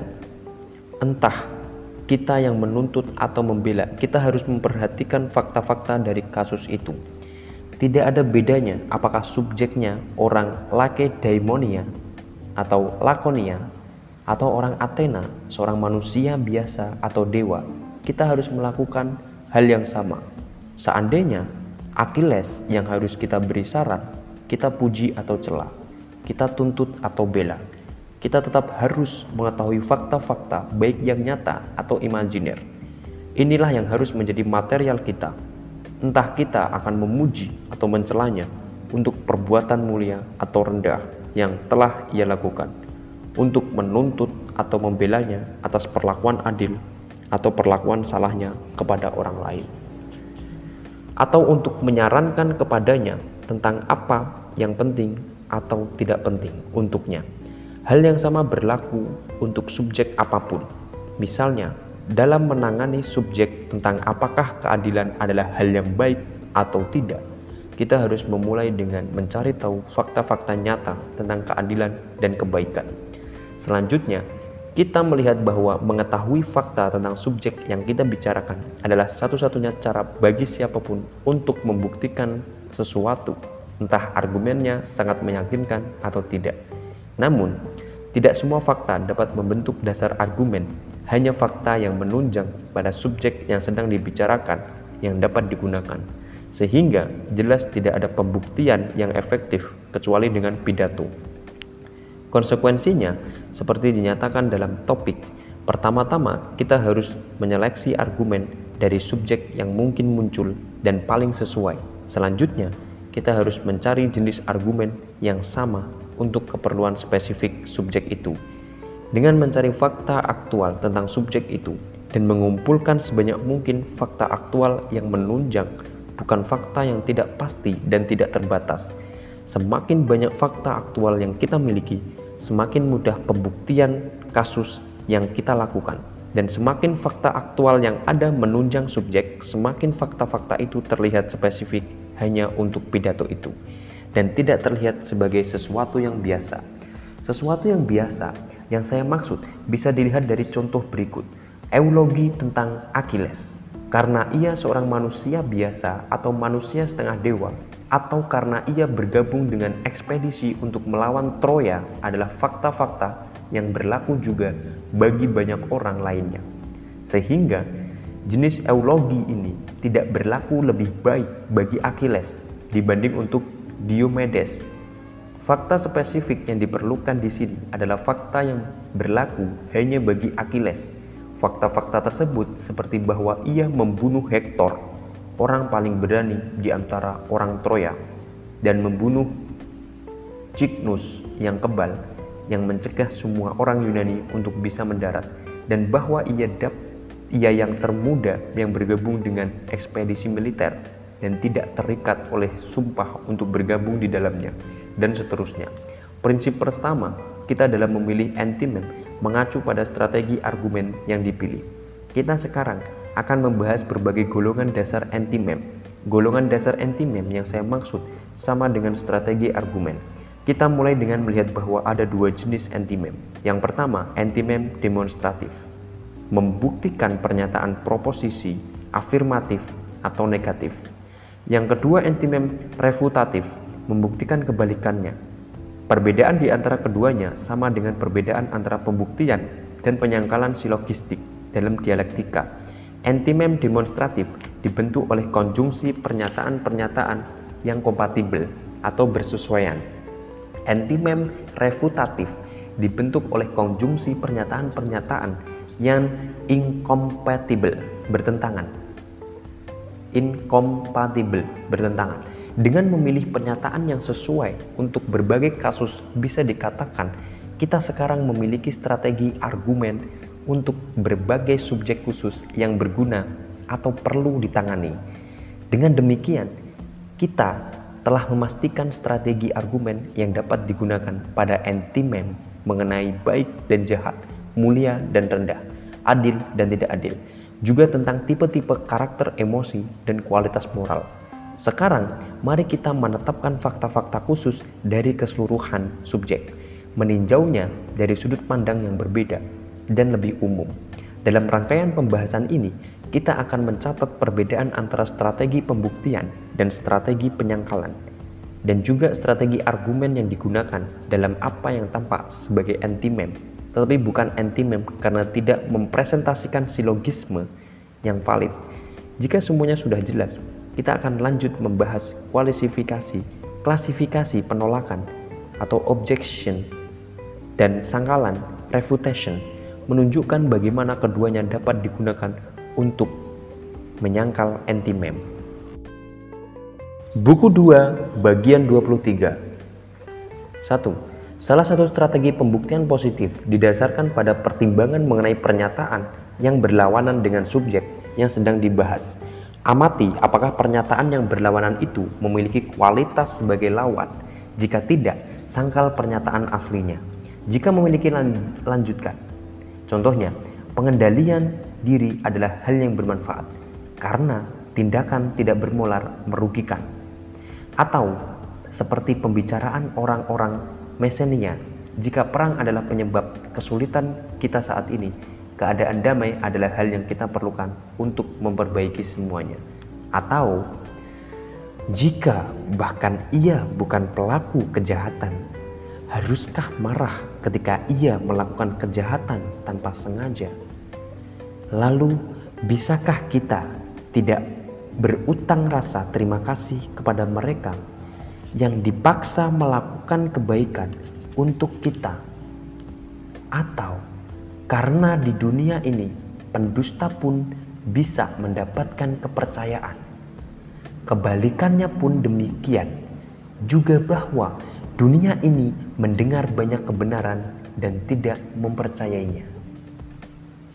2. Strategi pembuktian lain diperoleh dengan menimbang beberapa modifikasi kata kunci dan argumen bahwa apa yang dapat dan tidak dapat dikatakan mengenai suatu hal maka dapat atau tidak dapat dikatakan juga pada hal lainnya.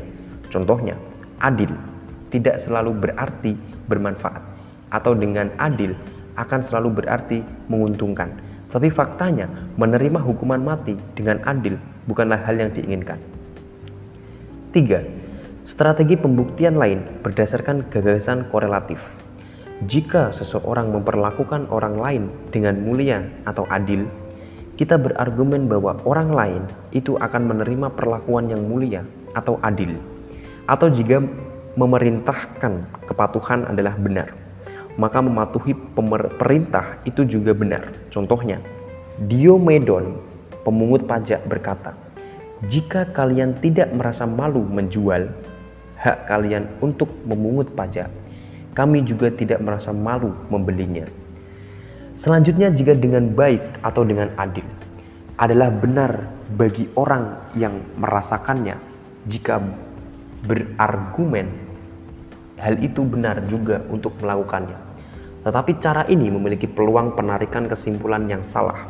Bisa jadi benar bahwa A harus diperlakukan dengan suatu cara tertentu, tetapi bisa jadi tidak benar bahwa ia harus diperlakukan seperti itu oleh B.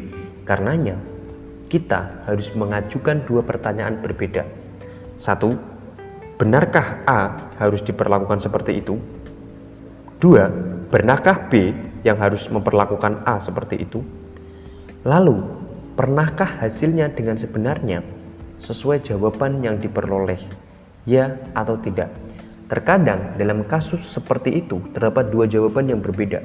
Kita bisa melihat posisi seperti itu pada drama tragedi Al Almaenon karya Theodectes berikut. Dan tidak adakah orang lain yang membenci kejahatan ibumu? Almayon menjawab pertanyaan ini dengan, "Mengapa?" ada dua hal yang harus dicari tahu di sini. Dan ketika Alpe Sibuoya, Sibuya menanyakan maksudnya, ia menjawab lagi. Mereka menganggapnya pantas mati, tetapi bukan aku yang harus membunuhnya. Contoh lainnya pada pengadilan Demo Demosthenes dan orang-orang yang membunuh Nikanor ketika mereka dinyatakan telah membunuh Nikanor dengan adil, mereka menganggap Nikanor telah dihukum mati dengan adil atau pantas menerima kematiannya. Juga dalam kasus seorang yang dibunuh di kota Tebes, para hakim diminta untuk memutuskan apakah tidak adil jika ia membunuh orang yang pantas mati. Karena jika itu tidak adil, dapat dikatakan bahwa membunuhnya bukan perbuatan yang tidak adil. 4. Strategi pembuktian lain adalah a fortiori atau alasan yang lebih kuat. Seperti argumen jika bahkan para dewa tidak maha mengetahui, tentunya manusia biasa juga tidak. Prinsipnya di sini adalah jika sebuah kualitas tidak ada secara nyata, ketika kemungkinannya lebih besar untuk ada, maka jelas kualitas itu tidak ada ketika kemungkinannya lebih kecil untuk ada.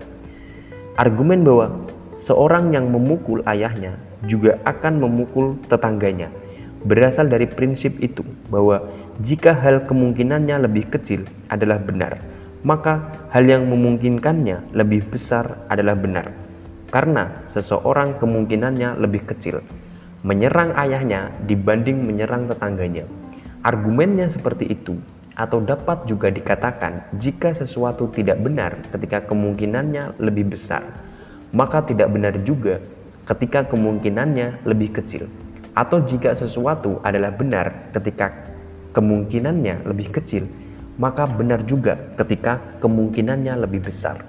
Berdasarkan hal itu, kita bisa menunjukkan bahwa sesuatu adalah benar atau tidak benar.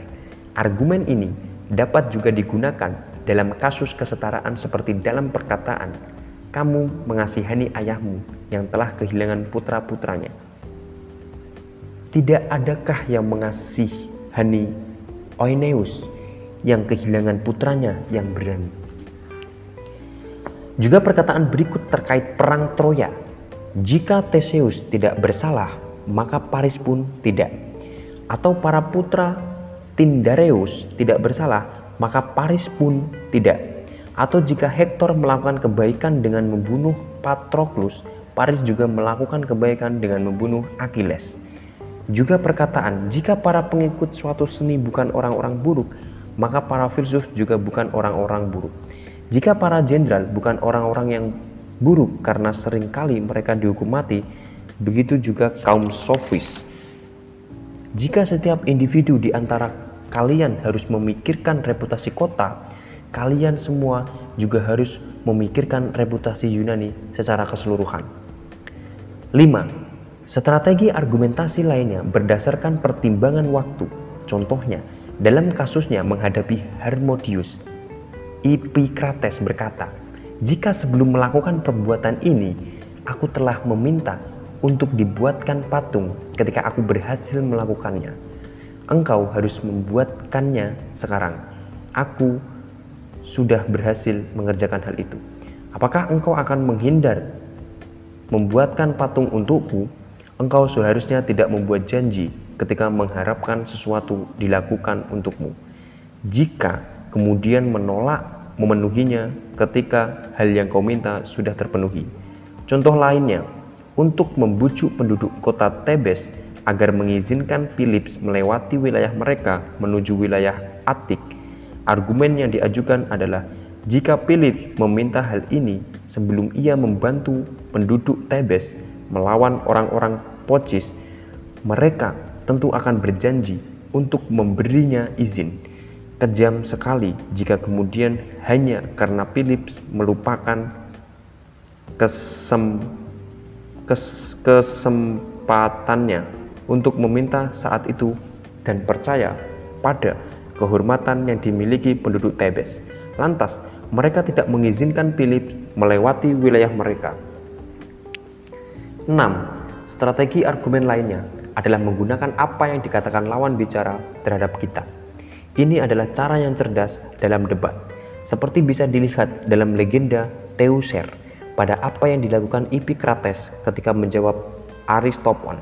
Apakah kamu akan menerima uang suap untuk mengkhianati pasukan? Tanya Epicrates. Tidak, jawab Aristopon.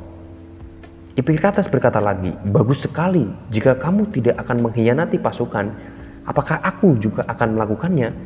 Hal ini dapat dilakukan hanya jika sebelumnya telah diketahui bahwa lawan bicara kita memiliki peluang lebih besar akan melakukan kejahatan dibanding kita.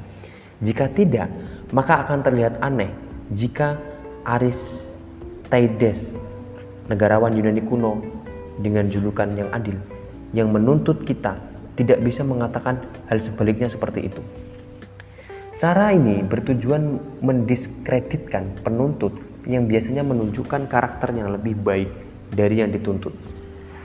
Sebuah keinginan untuk menumbangkan tetapi penggunaan argumen seperti itu dalam banyak kasus menjadi aneh ketika kita menyerang orang lain untuk apa yang kita lakukan atau akan kita lakukan. Atau atau jika kita meminta orang lain untuk melakukan apa yang tidak kita lakukan atau tidak akan kita lakukan. 7. Strategi pembuktian lain ditetapkan dengan mendefinisikan istilah-istilah. Contoh, apakah kekuatan supranatural itu? Kekuatan supernatural adalah Tuhan atau ciptaan Tuhan. Siapa pun yang percaya bahwa ciptaan Tuhan ada, pasti percaya juga bahwa Tuhan ada. Contoh lainnya, argumen Epicrates. Kebaikan adalah kemuliaan yang sesungguhnya. Baik Harmodius, Harmodius maupun Aristogeiton tidak memiliki kemuliaan apa pun sebelum mereka melakukan perbuatan mulia. Juga argumen Epicrates lainnya bahwa dibanding lawannya ia lebih mirip dengan Harmodius dan Aristogeiton dari segi mana pun, perbuatanku lebih mendekati perbuatan Harmodius dan Aristogeiton dibanding perbuatanmu. Contoh lain dapat ditemukan dalam Alexander. Setiap orang akan setuju bahwa orang yang tidak bisa menahan diri adalah orang yang tidak puas dengan kenikmatan dari satu cinta. Contoh selanjutnya ditemukan pada alasan yang diberikan Socrates untuk tidak pergi ke pengadilan Archelaus. Ia berkata bahwa seseorang menjadi tercela karena tidak dapat membalas budi baik, sebagaimana tidak dapat membalas keburukan. Semua orang yang disebutkan tadi mendefinisikan istilah mereka dan menyatakan arti pentingnya, lalu menggunakan hasilnya untuk membuat alasan pada isu tersebut. 8. Strategi argumen lain ditemukan pada berbagai pengertian dari sebuah kata. Kata tersebut adalah dengan benar seperti telah diterangkan di dalam topik. 9 Strategi argumen lain berdasarkan pembagian logis. Contohnya, semua orang melakukan kesalahan dengan salah satu dari tiga motif, A, B, atau C. Dalam kasusku, motif A dan B tidak mungkin, dan penuntut tidak mempersoalkan C. 10. Strategi pembuktian lain berdasarkan induksi. Contohnya, dari kasus perempuan di Pulau Peparetus dapat dibuat argumen bahwa perempuan di mana pun dapat memastikan fakta-fakta tentang anak-anak mereka dengan benar. Contoh untuk kasus seperti ini terjadi di Athena dalam kasus antara orator Mantias dan putranya. Ketika ibu si anak lelaki itu mengungkapkan fakta, sebenarnya contoh lainnya di kota Tebes dalam kasus antara Ismenias dan Stilbon ketika Dodonis membuktikan bahwa Ismenias adalah ayah dari anak lelakinya, Tetaliskus, dan ia oleh karenanya selalu menganggapnya demikian. Contoh selanjutnya dari induksi dapat diambil dari hukum Theodectes. Jika kita tidak memberikan pemeliharaan kuda-kuda kita ke tangan orang-orang yang telah menelantarkan kuda orang lain, juga tidak memberikan pemeliharaan kapal-kapal kita kepada mereka yang telah merusak kapal orang lain. Dan jika hal ini benar dalam hal apa pun yang serupa, maka orang yang telah gagal mengamankan keselamatan orang lain bukan untuk diperkerjakan, untuk mengamankan milik kita. Contoh lain adalah argumen Alkidamas. Semua orang menghormati orang bijak. Karenanya, penduduk Pulau Paros menghormati Archilochus meskipun lidahnya tajam. Penduduk Pulau Kios menghormati Homer meskipun bukan warga asli pulau itu. Penduduk kota Mitilene menghormati Sapo meskipun ia seorang wanita.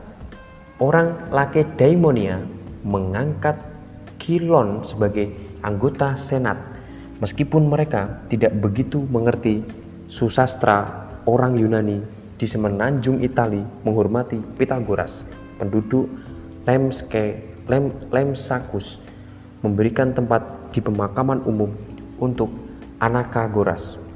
Meskipun ia sering asing, meskipun ia seorang asing dan menghormatinya, bahkan hingga saat ini sebuah argumen dapat dibuat bahwa penduduk suatu kota selalu makmur ketika kota itu dipimpin oleh para filsuf Berdasarkan fakta bahwa penduduk Athena menjadi makmur di bawah hukum Solon dan penduduk Lakedaimonia makmur di bawah hukum Lycurgus. Sementara di kota Tebes, tidak lama setelah para filsuf memegang kepemimpinan negara menjadi makmur. 11. Strategi argumen lain ditemukan pada keputusan yang telah dibuat sebelumnya, baik pada subjek yang sama atau pada subjek yang mirip atau berlawanan. Pembuktian seperti itu paling efektif jika setiap orang selalu mengambil keputusan dengan cara ini. Atau jika tidak setiap orang, maka paling tidak sebagian besar orang selalu mengambil keputusan dengan cara ini. Atau jika semua atau sebagian besar orang bijak atau orang baik telah mengambil keputusan dengan cara demikian atau pengambil keputusan aktual atas persoalan ini atau mereka yang otoritasnya diakui atau siapa pun yang keputusannya tidak dapat disangkal karena ia memiliki kendali penuh atas yang lainnya atau yang tampak tidak dapat disangkal seperti para dewa seorang ayah bagi anaknya atau seorang guru bagi muridnya. Contohnya perkataan Autocles untuk menyerang Miss Mixi Demides bahwa adalah hal yang aneh ketika Dewi ketakutan mau menyerahkan perkaranya ke majelis Areopagus tanpa kehilangan martabatnya. Sementara Mixi Demides tidak mau melakukannya. Atau ketika Sapo berkata, kematian adalah sesuatu yang buruk, para dewa sudah memutuskannya demikian. Atau mereka akan mati. Atau ketika Plato berbicara agak terlalu dogmatis, Aristippus berpikir dan berjawab, Hmm, betapapun temanku. Maksudnya Sokrates tidak pernah berbicara seperti itu. Juga ketika Hegesippus bertanya kepada Apollo di Delphi setelah sebelumnya berkonsultasi dengan Zeus di Olimpia. Apakah opini Apollo sama dengan opini ayahnya menyiratkan bahwa akan memalukan jika pandangan Apollo bertentangan dengan pandangan ayahnya.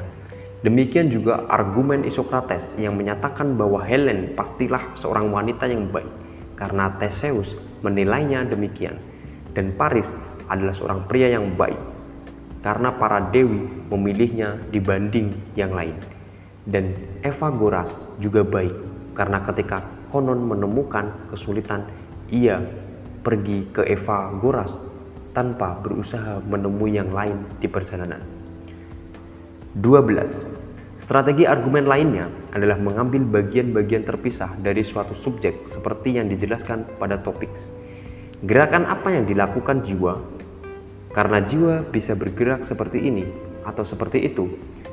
Theodektes dalam rangka membela Isokrates memberi contoh. Kuil mana yang telah dicemarkan oleh Sokrates? Dewa apa yang telah dilecehkannya? 13. Karena segala sesuatu biasanya memiliki konsekuensi baik dan buruk, strategi argumentasi lainnya adalah menggunakan konsekuensi-konsekuensi tersebut sebagai alasan untuk mendesak bahwa sesuatu harus atau tidak harus dilakukan untuk menuntut atau membela seseorang, untuk memuji atau mencela seseorang. Misalnya, pendidikan menyebabkan seseorang tidak populer, yang merupakan konsekuensi buruk, dan menghasilkan kebijaksanaan yang merupakan konsekuensi baik.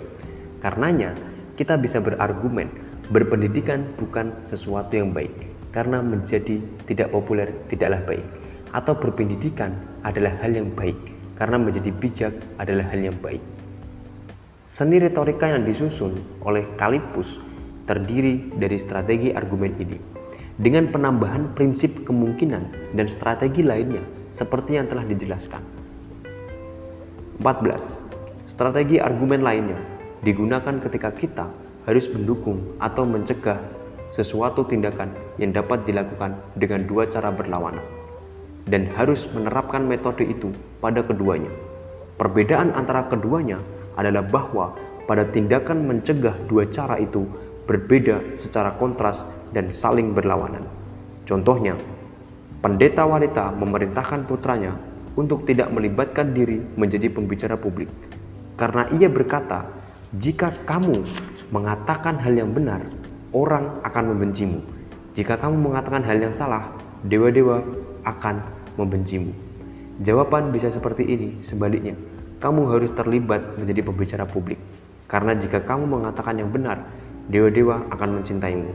Jika kamu mengatakan hal yang salah, orang akan mencintaimu. Ini mirip dengan peribahasa menukar rawa dengan garam.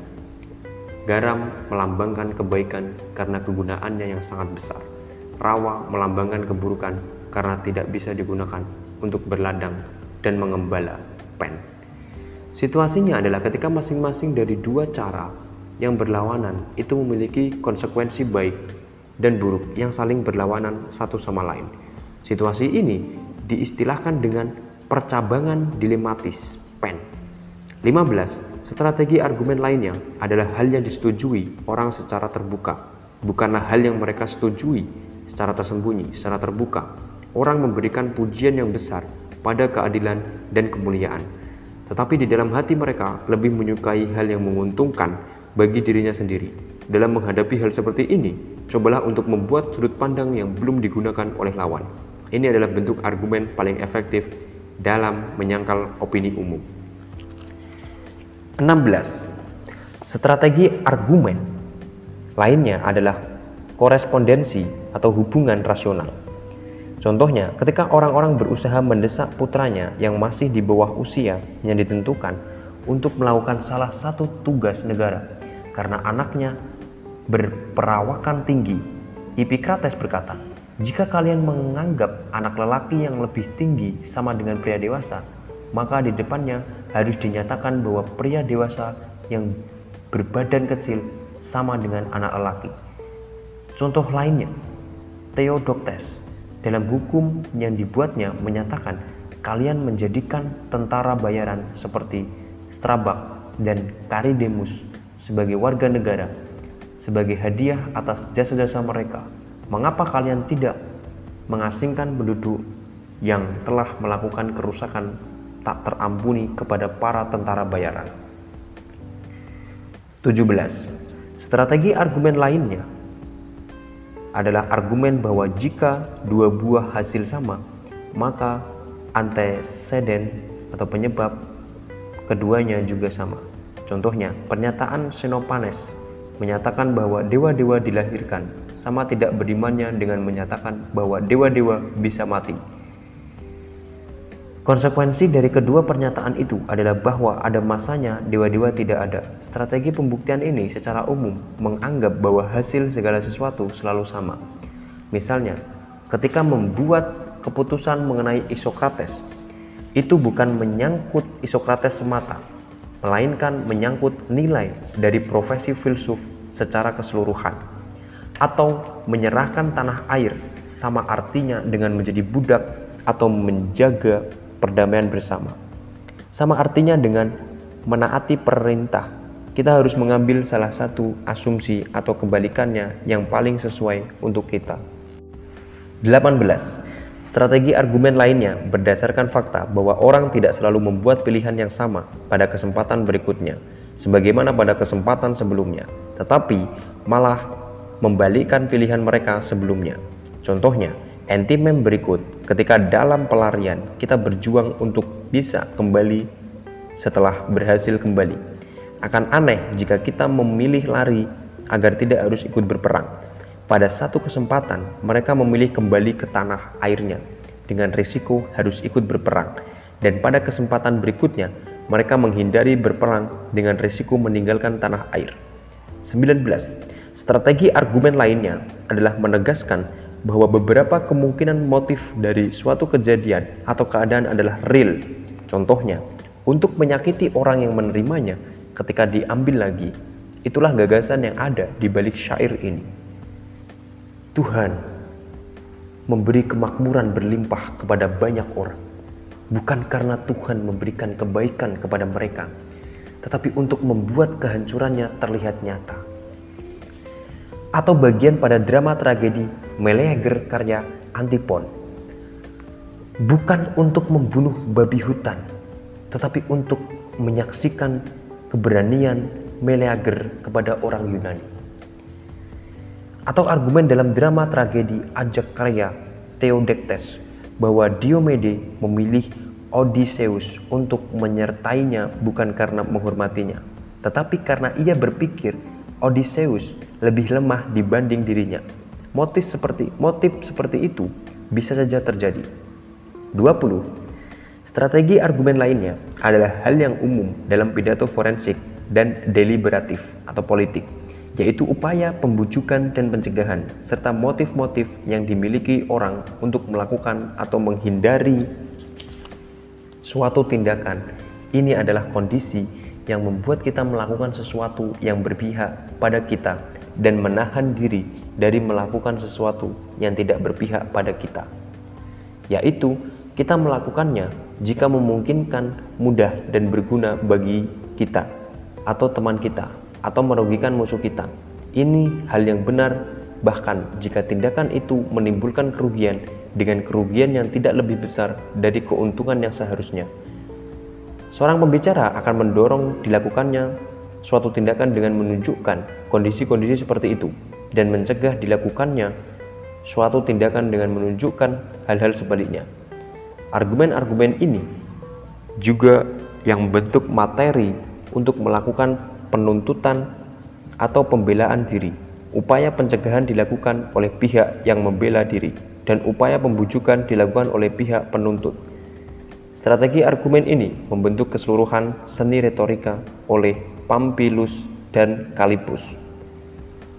21. Strategi argumen lainnya mengacu pada hal-hal yang seharusnya terjadi tetapi tampak tidak masuk akal kita bisa membuat argumen bahwa orang tidak akan percaya jika hal itu tidak pernah terjadi atau hampir terjadi. Orang juga tidak akan percaya, bahkan jika hal itu punya kecenderungan terjadi, karena hal itu tidak masuk akal. Karena hal yang orang percayai adalah fakta atau kemungkinan, karenanya jika sesuatu yang dipercayai itu tidak mungkin dan bahkan tidak masuk akal, itu benar karena hal itu dipercayai bukan karena hal itu mungkin atau masuk akal. Contohnya adalah apa yang dikatakan Androkles dari Pitus dalam dakwaan hukumannya yang terkenal. Ketika ia mengatakan bahwa hukum-hukum memerlukan sebuah hukum untuk menjalankannya dengan baik, audiens meneriakinya, tapi ia melanjutkan perkataannya. Mengapa ikan memerlukan garam? Bukankah hal ini tidak mungkin dan tidak masuk akal karena makhluk hidup akan mengapung di air garam. Dan mengapa kue olive memerlukan minyak? Bukankah tidak masuk akal jika sesuatu yang menghasilkan minyak memerlukan minyak?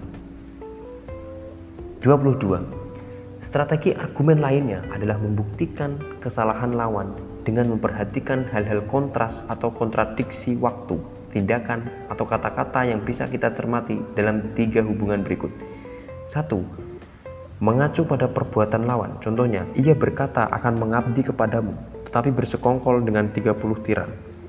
Dua, mengacu pada perbuatan kita. Contohnya, ia mengatakan bahwa aku suka berperkara, tapi ia tidak dapat membuktikan satupun keterlibatanku dalam perkara hukum. Tiga, mengacu pada kita dan lawan kita. Contohnya, ia bahkan tidak pernah memberi pinjaman kepada siapa pun satu sen pun, sedangkan aku telah menebus sejumlah uang untukmu. 23. Strategi argumen lainnya adalah strategi yang berguna untuk orang dan hal yang dianggap salah atau tampak dianggap salah, yaitu menunjukkan mengapa fakta-fakta yang ada tidak seperti yang seharusnya. Menunjukkan bahwa ada sesuatu alasan mengapa kesan salah itu muncul. Contohnya, seorang wanita yang telah memberikan putranya kepada wanita lain disangka memiliki kekasih gelap ketika ada yang melihatnya memeluk putranya itu. Tetapi setelah dijelaskan, tuduhan itu menjadi tidak berdasar. Contohnya, contoh lainnya dalam drama tragedi Ajak karya Theodektes, Odysseus menceritakan kepada Ajak alasan mengapa meski sesungguhnya ia lebih berani dibanding ajak, tetapi ia tidak berpikir seperti itu. 24. Strategi argumen lainnya adalah menunjukkan bahwa jika ada penyebab, maka ada akibat. Dan jika tidak ada penyebab, maka tidak ada akibat. Dengan membuktikan adanya penyebab, maka sekaligus kita telah membuktikan adanya akibat.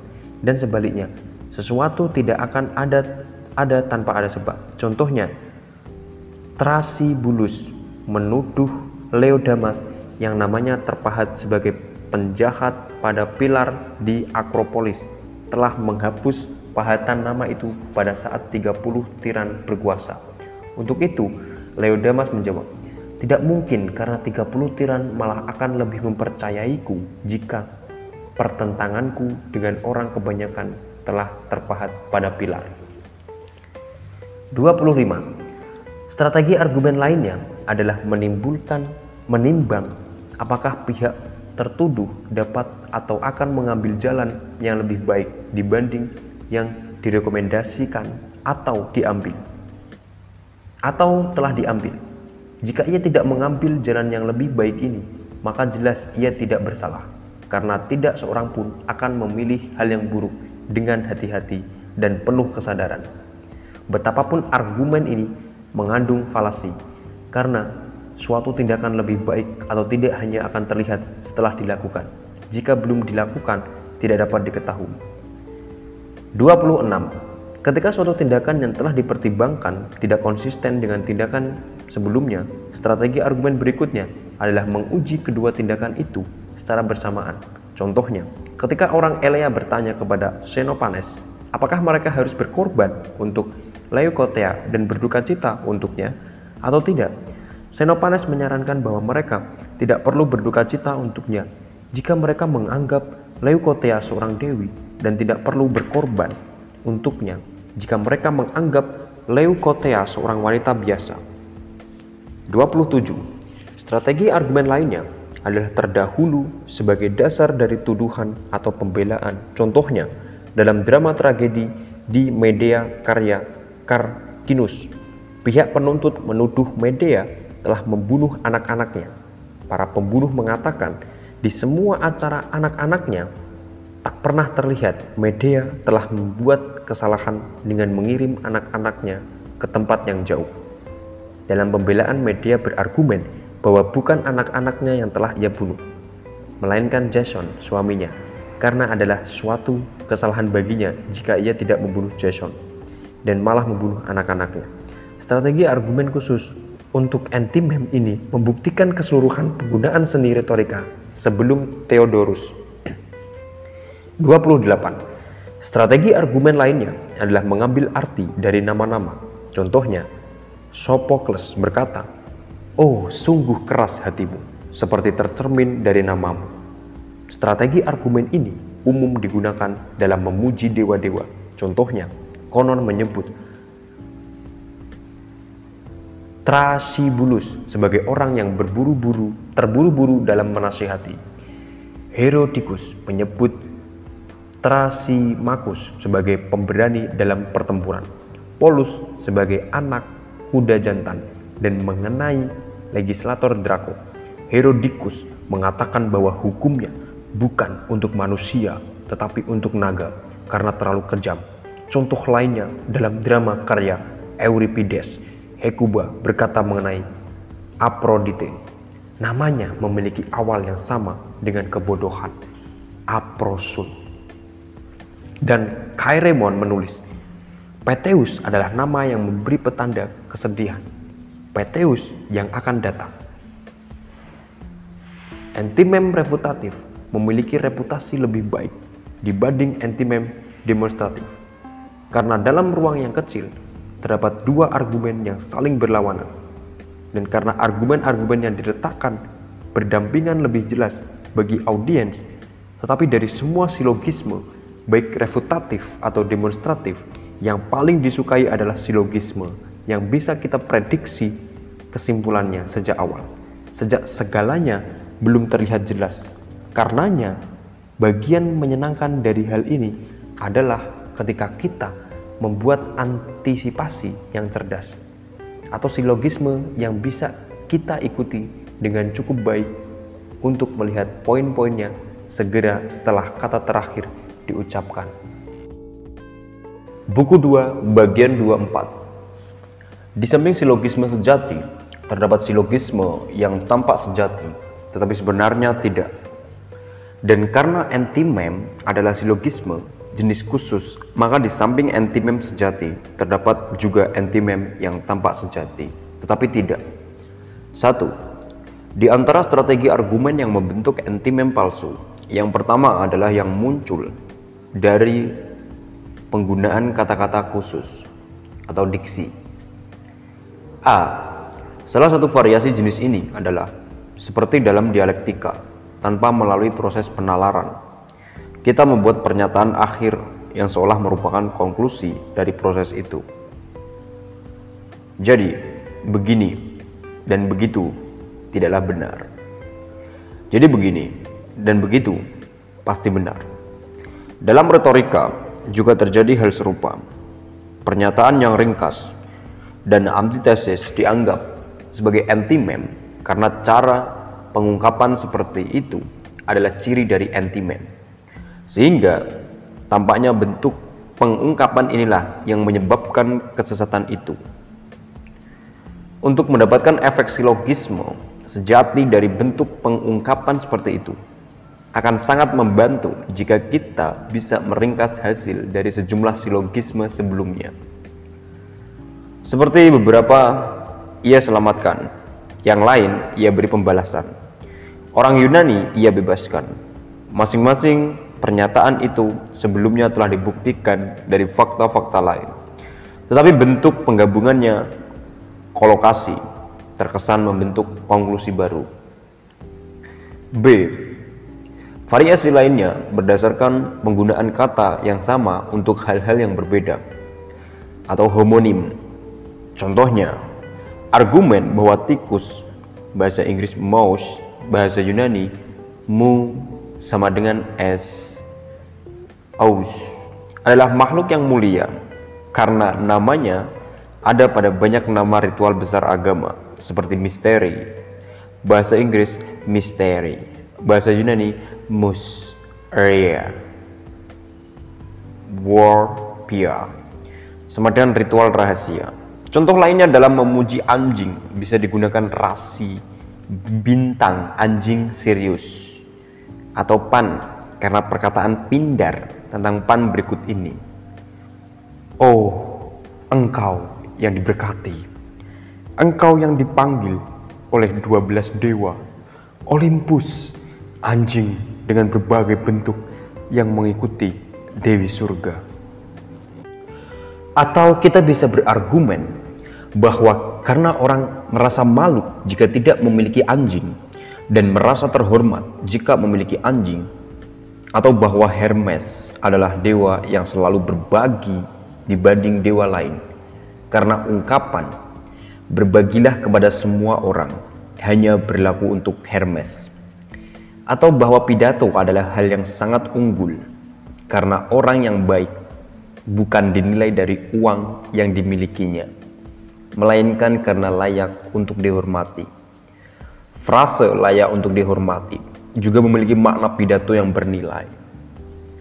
Dua, strategi argumen lainnya adalah menyatakan keseluruhan sebagai bagian-bagian atau menyatakan bagian-bagian sebagai keseluruhan Keseluruhan dan bagian-bagiannya seharusnya identik, meskipun sering kali tidak memiliki tidak demikian.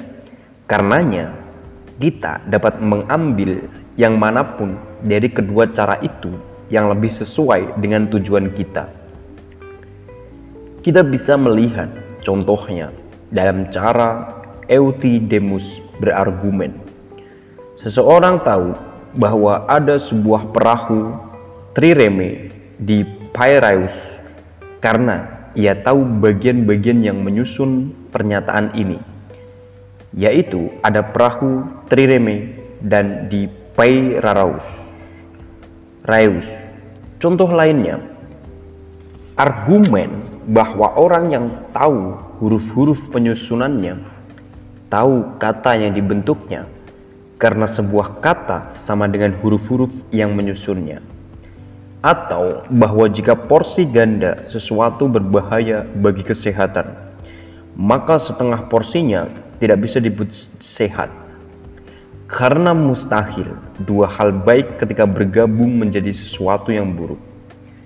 Jika diungkapkan dengan cara seperti itu, antimemnya menjadi bersifat refutatif. Tetapi jika diungkapkan dengan cara berikut, antimemnya menjadi demonstratif. Suatu hal baik tidak dapat terbuat dari dua hal buruk. Keseluruhan argumennya sendiri menyesatkan atau mengandung falasi. Contoh lainnya perkataan Polikrates bahwa Turasibulus telah menjatuhkan 30 tiran, di mana yang dimaksud Polikrates adalah satu persatu dari 30 orang yang dianggap menjadi satu kesatuan. Contoh lainnya adalah argumen dalam drama tragedi Orestes karya Theodektes yang dibuat dari bagian-bagian. Benar bahwa perempuan yang membunuh suaminya harus mati. Benar juga bahwa putranya harus membalas kematian ayahnya. Dua hal inilah yang telah dibuat Orestes secara terpisah. Namun, jika kedua hal itu disatukan, tidak akan membentuk suatu tindakan yang benar. Falasinya muncul karena adanya penghilangan. Pembicara tidak mengatakan oleh siapa seorang yang membunuh suaminya harus dihukum mati. Tiga, Strategi argumen lainnya menggunakan bahasa kesalahan, entah untuk mendukung kasus sendiri atau untuk menjatuhkan lawan. Kita melakukan ini ketika ingin memberi gambaran kuat tentang situasi yang ada tanpa melakukan pembuktian fakta-faktanya. Jika pihak tertuduh yang melakukan akan memberi kesan bahwa ia tidak bersalah, jika penuntut yang berhasrat melakukannya akan memberi kesan bahwa pihak tertuduh bersalah. Di sini tidak ada antimem sejati. Pendengar mengambil kesimpulan bersalah atau tidak bersalah. Tetapi tidak ada pembuktian yang diberikan. Dan karenanya kesimpulan yang diambil adalah sesat. 4. Strategi argumen lainnya adalah penggunaan tanda atau contoh tunggal sebagai bukti pasti yang juga menghasilkan pembuktian yang tidak valid. Contohnya, dapat dikatakan bahwa para pecinta berguna untuk negeri mereka karena cinta Harmodius dan Aristogeiton menyebabkan jatuhnya tiran Hipparchus. Contoh lainnya, Dionysius adalah seorang pencuri karena ia seorang yang tidak bermoral. Tentu saja, tidak ada bukti yang valid di sini, dan tidak semua pria tidak bermoral adalah pencuri. Meski setiap pencuri adalah orang tidak bermoral. 5. Strategi argumen lainnya menunjukkan hal yang kebetulan sebagai hal yang esensial. Contohnya, apa yang dikatakan Polikrates tentang tikus, bahwa tikus datang untuk membantu karena menggerogoti tali busur panah musuh. Contoh lainnya dinyatakan bahwa sebuah undangan makan malam adalah kehormatan besar. Karena Achilles marah pada orang Yunani di Tenedos dikarenakan tidak mendapat undangan makan malam. Faktanya, Hal yang membuatnya marah adalah karena ia merasa diremehkan. Hanyalah suatu kebetulan bahwa tidak diundang makan malam adalah salah satu bentuk sikap meremehkan. 6. Strategi argumen lainnya adalah membuat argumen dari konsekuensi. Dalam fragmen Alexander, ada argumen bahwa Paris adalah seorang yang angkuh karena ia memandang rendah hidup bermasyarakat dan hidup sendiri di Gunung Ida. Karena orang yang angkuh biasanya melakukan hal seperti itu, maka Paris juga dianggap memiliki jiwa yang angkuh. Atau jika seseorang pria berpakaian mengikuti mode dan berkeliaran di malam hari, ia adalah seorang yang tidak bermoral karena begitulah perilaku orang yang tidak bermoral.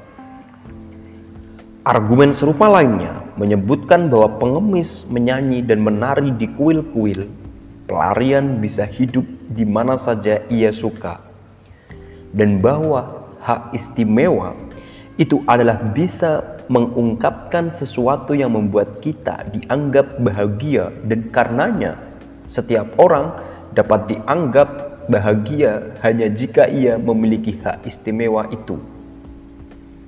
Namun, yang menjadi persoalan adalah dalam keadaan seperti apa hak istimewa itu bisa dinikmati.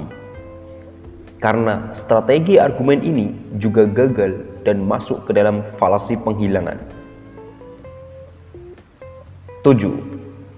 Strategi argumen lainnya adalah menunjukkan sesuatu yang bukan penyebab sebagai penyebab atas dasar bahwa hal itu terjadi bersamaan atau sebelum peristiwa yang dimaksud terjadi.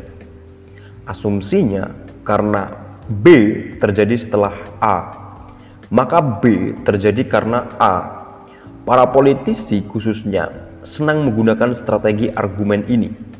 Contohnya, Demades mengatakan bahwa kebijakan Demon Demosthenes adalah penyebab dari semua keadaan sulit yang terjadi.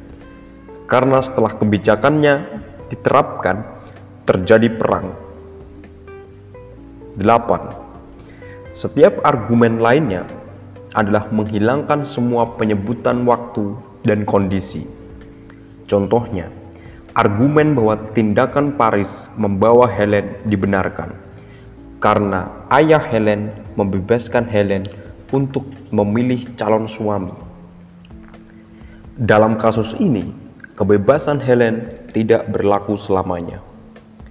Kebebasan itu hanya berlaku untuk pilihan pertama. Setelah punya suami, kewenangan yang diberikan ayahnya tidak berlaku lagi. Contoh lainnya, seorang bisa berkata bahwa menyerang seorang pria bebas adalah tindakan buruk yang tidak beralasan. Tetapi hal itu tidak berlaku pada semua kondisi hal itu hanya berlaku ketika tidak ada provokasi sebelumnya. 9. Dalam diskusi eristika atau debat yang bertujuan untuk menang bukan untuk mencapai kebenaran.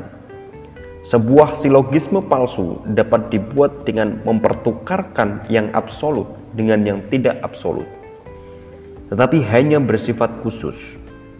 Seperti contohnya dalam dialektika, dapat dibuat argumen bahwa sesuatu yang tidak ada adalah ada, karena sesuatu yang tidak ada adalah sesuatu yang tidak ada, atau sesuatu yang tidak diketahui dapat diketahui, karena kita dapat mengetahui sesuatu yang tidak diketahui bahwa ia tidak diketahui. Begitu juga dalam retorika Antimem palsu dapat dibuat dengan mempertukarkan kemungkinan khusus dengan kemungkinan absolut. Tidak ada kemungkinan khusus yang bersifat universal, seperti dikatakan Agaton. Seorang bisa saja mengatakan bahwa sesuatu mungkin. Hal-hal yang tidak mungkin sering kali terjadi pada manusia. Karena hal yang tidak mungkin bisa terjadi, maka hal yang tidak mungkin adalah mungkin terjadi. Dengan demikian, kita bisa berargumen bahwa apa yang tidak mungkin adalah mungkin, tetapi kemungkinan tidak bersifat absolut. Karena dalam diskusi eristika, penyesatan dilakukan dengan penghilangan klausa yang menyatakan hubungan, acuan, atau cara. Jadi di sini Penyesatan muncul karena kemungkinan yang tidak bersifat umum, melainkan spesifik. Seni retorika Kora dibuat menggunakan strategi argumen ini. Jika tertuduh tidak terbuka terhadap tuduhan, misalnya jika seorang yang lemah diadili atas serangan kejam, pembelaannya adalah bahwa kecil kemungkinan ia melakukannya tetapi jika ia terbuka terhadap tuduhan, yaitu jika ia seorang pria yang kuat, pembelaannya tetap bahwa ia kecil kemungkinan melakukannya. Karena ia yakin orang akan berpikir bahwa kemungkinan besar ia akan melakukannya. Begitu juga dengan kasus lainnya. Baik tertuduh terbuka atau tidak terbuka terhadap tuduhan. Pada kedua kasus itu terdapat kemungkinan tidak bersalah, tetapi dalam kasus kedua tertuduh tidak terbuka terhadap tuduhan. Kemungkinannya adalah sebagaimana adanya dalam kasus pertama, tertuduh terbuka terhadap tuduhan. Kemungkinannya hanya dapat dinyatakan dalam pengertian khusus seperti telah disebutkan. Jenis argumen ini menggambarkan apa yang dimaksud dengan membuat argumen buruk tampak lebih baik.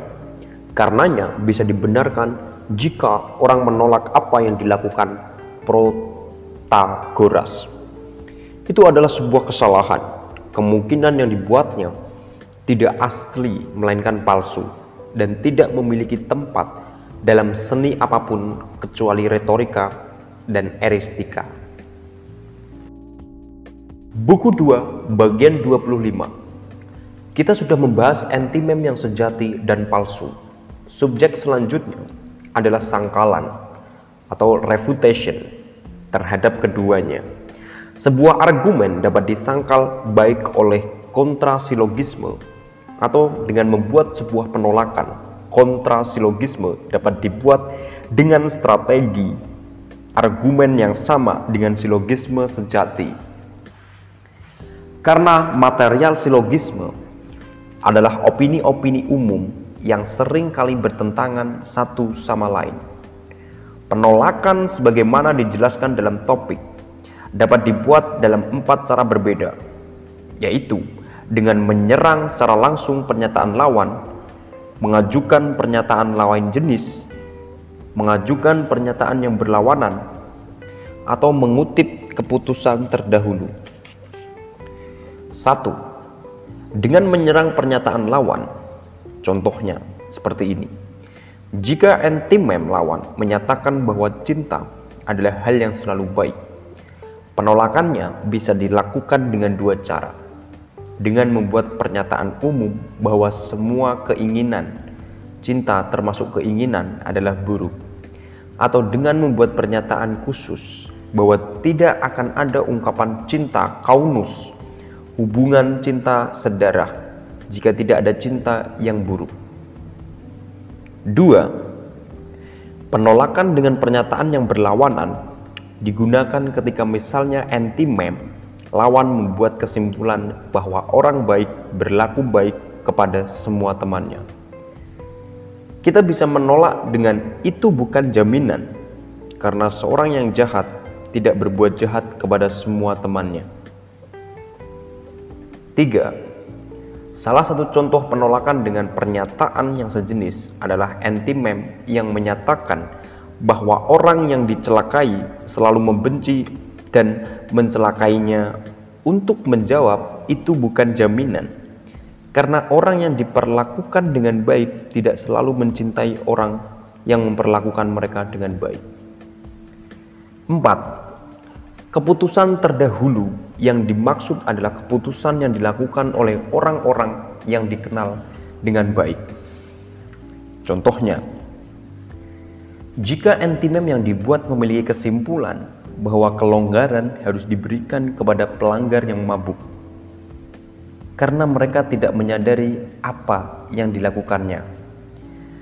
Penolakannya menjadi, kalau begitu, Pitakus tidak layak mendapat pengakuan, kecuali jika ia menetapkan hukuman keras secara khusus untuk pelanggaran yang dilakukan orang mabuk. Anti-mem dibuat berdasarkan salah satu dari empat macam fakta berikut. Satu, kemungkinan. Dua, contoh. Tiga, tidak sempurna. Empat, tanda biasa. Satu, anti-mem berdasarkan kemungkinan adalah yang argumennya berasal dari sesuatu yang biasanya benar atau seharusnya benar. Dua, anti-mem berdasarkan contoh dilakukan dengan induksi dari satu beberapa kasus sejenis yang menuntun pada sebuah pernyataan umum dilanjutkan dengan membuat argumen secara deduktif untuk mendapatkan kesimpulan khusus. 3. Antimem berdasarkan tanda sempurna adalah yang argumennya berasal dari sesuatu yang pasti terjadi dan tetap. 4. Antimem berdasarkan tanda biasa adalah yang argumennya berasal dari pernyataan universal atau khusus, baik yang benar atau yang salah. 1 karena kemungkinan adalah sesuatu yang biasa terjadi, bukan yang selalu terjadi, maka antimemnya selalu bisa disangkal dengan penolakan. Tetapi penyangkalan yang dibuat kemungkinan palsu tidak selalu asli, karena hanya menunjukkan bahwa premis lawan tidak pasti benar. Bukan tidak mungkin, sehingga penggunaan falasi penyangkalan palsu ini lebih menguntungkan pihak yang melakukan pembelaan dibanding penuntut. Karena penuntut menggunakan kemungkinan pada pembuktiannya menunjukkan bahwa sebuah kesimpulan tidak mungkin tidak sama dengan menunjukkan bahwa sebuah kesimpulan tidak pasti benar. Argumen apa pun tentang hal yang biasa terjadi selalu terbuka pada penolakan. Jika tidak, ia bukan lagi kemungkinan, melainkan kebenaran, tetap dan mutlak. Namun, jika sangkalan mengambil bentuk kebenaran mutlak, pendengar menganggap bahwa kasus penuntut bukan sesuatu yang mungkin atau bahwa pendengar tidak harus mengambil keputusan atas kasus itu. Dan seperti sudah dikatakan sebelumnya, ini adalah sebuah kesalahan bernalar. Pendengar harus memutuskan dengan mempertimbangkan tidak hanya dari apa yang pasti benar, melainkan juga dari apa yang mungkin benar. Inilah makna dari memberi putusan sesuai opini yang jujur. Karenanya, bagi pihak tertuduh tidak cukup menyangkal suatu tuduhan dengan membuktikan bahwa tuduhan tidak pasti benar. Ia harus melakukannya dengan menunjukkan bahwa hal itu tidak mungkin benar. Untuk tujuan ini, penolakan yang dibuat harus menyatakan sesuatu yang biasanya benar. Hal itu dapat dilakukan dengan dua cara, dengan pendekatan frekuensi atau ketepatan Penolakan akan lebih meyakinkan jika dapat dilakukan dengan kedua pendekatan itu sekaligus. Karena semakin sering atau frekuensi suatu hal yang serupa atau ketepatan terjadi, maka kemungkinan terjadinya sangat besar. 2. Antimem yang dibuat berdasarkan tanda biasa dapat disangkal bahwa jika fakta-faktanya benar, Sebagaimana dikatakan pada bagian awal buku ini, pembahasan mengenai hal ini ada dalam analitik bahwa tidak ada tanda biasa yang dapat menghasilkan pembuktian logis yang valid. 3. Antimem yang bergantung pada contoh dapat disangkal dengan cara yang sama dengan menyangkal kemungkinan. Jika kita memiliki contoh negatif, argumennya disangkal sejauh dapat dibuktikan bahwa hal itu tidak pasti terjadi meskipun keadaannya contoh pas positif lebih sesuai dan lebih sering terjadi. Dan jika contoh positif lebih banyak dan lebih sering terjadi, kita harus menyatakan bahwa kasus ini berbeda atau bahwa kondisinya berbeda atau bahwa kasusnya berbeda dalam beberapa hal dan lainnya. 4. Tanda sempurna dan antimem yang dibuat dari tanda sempurna tidak dapat disangkal dengan menunjukkan bahwa keduanya tidak membentuk pembuktian logis yang valid. Penjelasan mengenai hal ini juga bisa dilihat dalam analitik. Yang bisa kita lakukan adalah menunjukkan bahwa fakta yang dituduhkan tidak ada. Namun, jika fakta itu jelas terlihat dan merupakan tanda sempurna, maka penyangkalan tidak mungkin dilakukan. Karena keadaan ini ekuivalen dengan demonstrasi yang bisa dilihat dengan jelas dari segala segi. Buku 2 bagian 26 Amplifikasi atau penguatan dan depresiasi atau pelemahan bukan merupakan elemen dari anti-mem. Elemen anti-mem yang saya maksud sama dengan strategi argumen anti mematik, yaitu antimem umum yang mengandung sejumlah besar antimem khusus. Amplifikasi dan depresiasi adalah suatu jenis antimem, yaitu antimem yang digunakan untuk menunjukkan bahwa sesuatu besar atau kecil. Sebagaimana jenis antimem yang digunakan untuk menunjukkan sesuatu baik atau buruk, adil atau tidak adil, dan lainnya yang sejenis. Semua ini adalah subjek bahasan dari silogisme dan antimem, dan tidak satu pun merupakan strategi argumen dari antimem. Karena amplifikasi dan depresiasi juga bukan strategi argumen dari antimem. Antimem refutatif bukan jenis anti-mem yang berbeda dengan anti-mem konstruktif karena penyangkalan refutation bisa dilakukan dengan memberi pembuktian positif atau membuat penolakan dalam pembuktian positif kita membuktikan hal yang berlawanan dengan pernyataan lawan. Jika lawan menunjukkan bahwa sesuatu telah terjadi, kita menunjukkan bahwa hal itu tidak terjadi, dan sebaliknya. Namun, keduanya jadi tidak dapat dibedakan karena alat yang sama digunakan oleh kedua belah pihak. Anti-mem digunakan untuk menunjukkan bahwa faktanya adalah seperti itu atau tidak seperti itu. Penolakan di sisi lain sama sekali bukan anti-mem.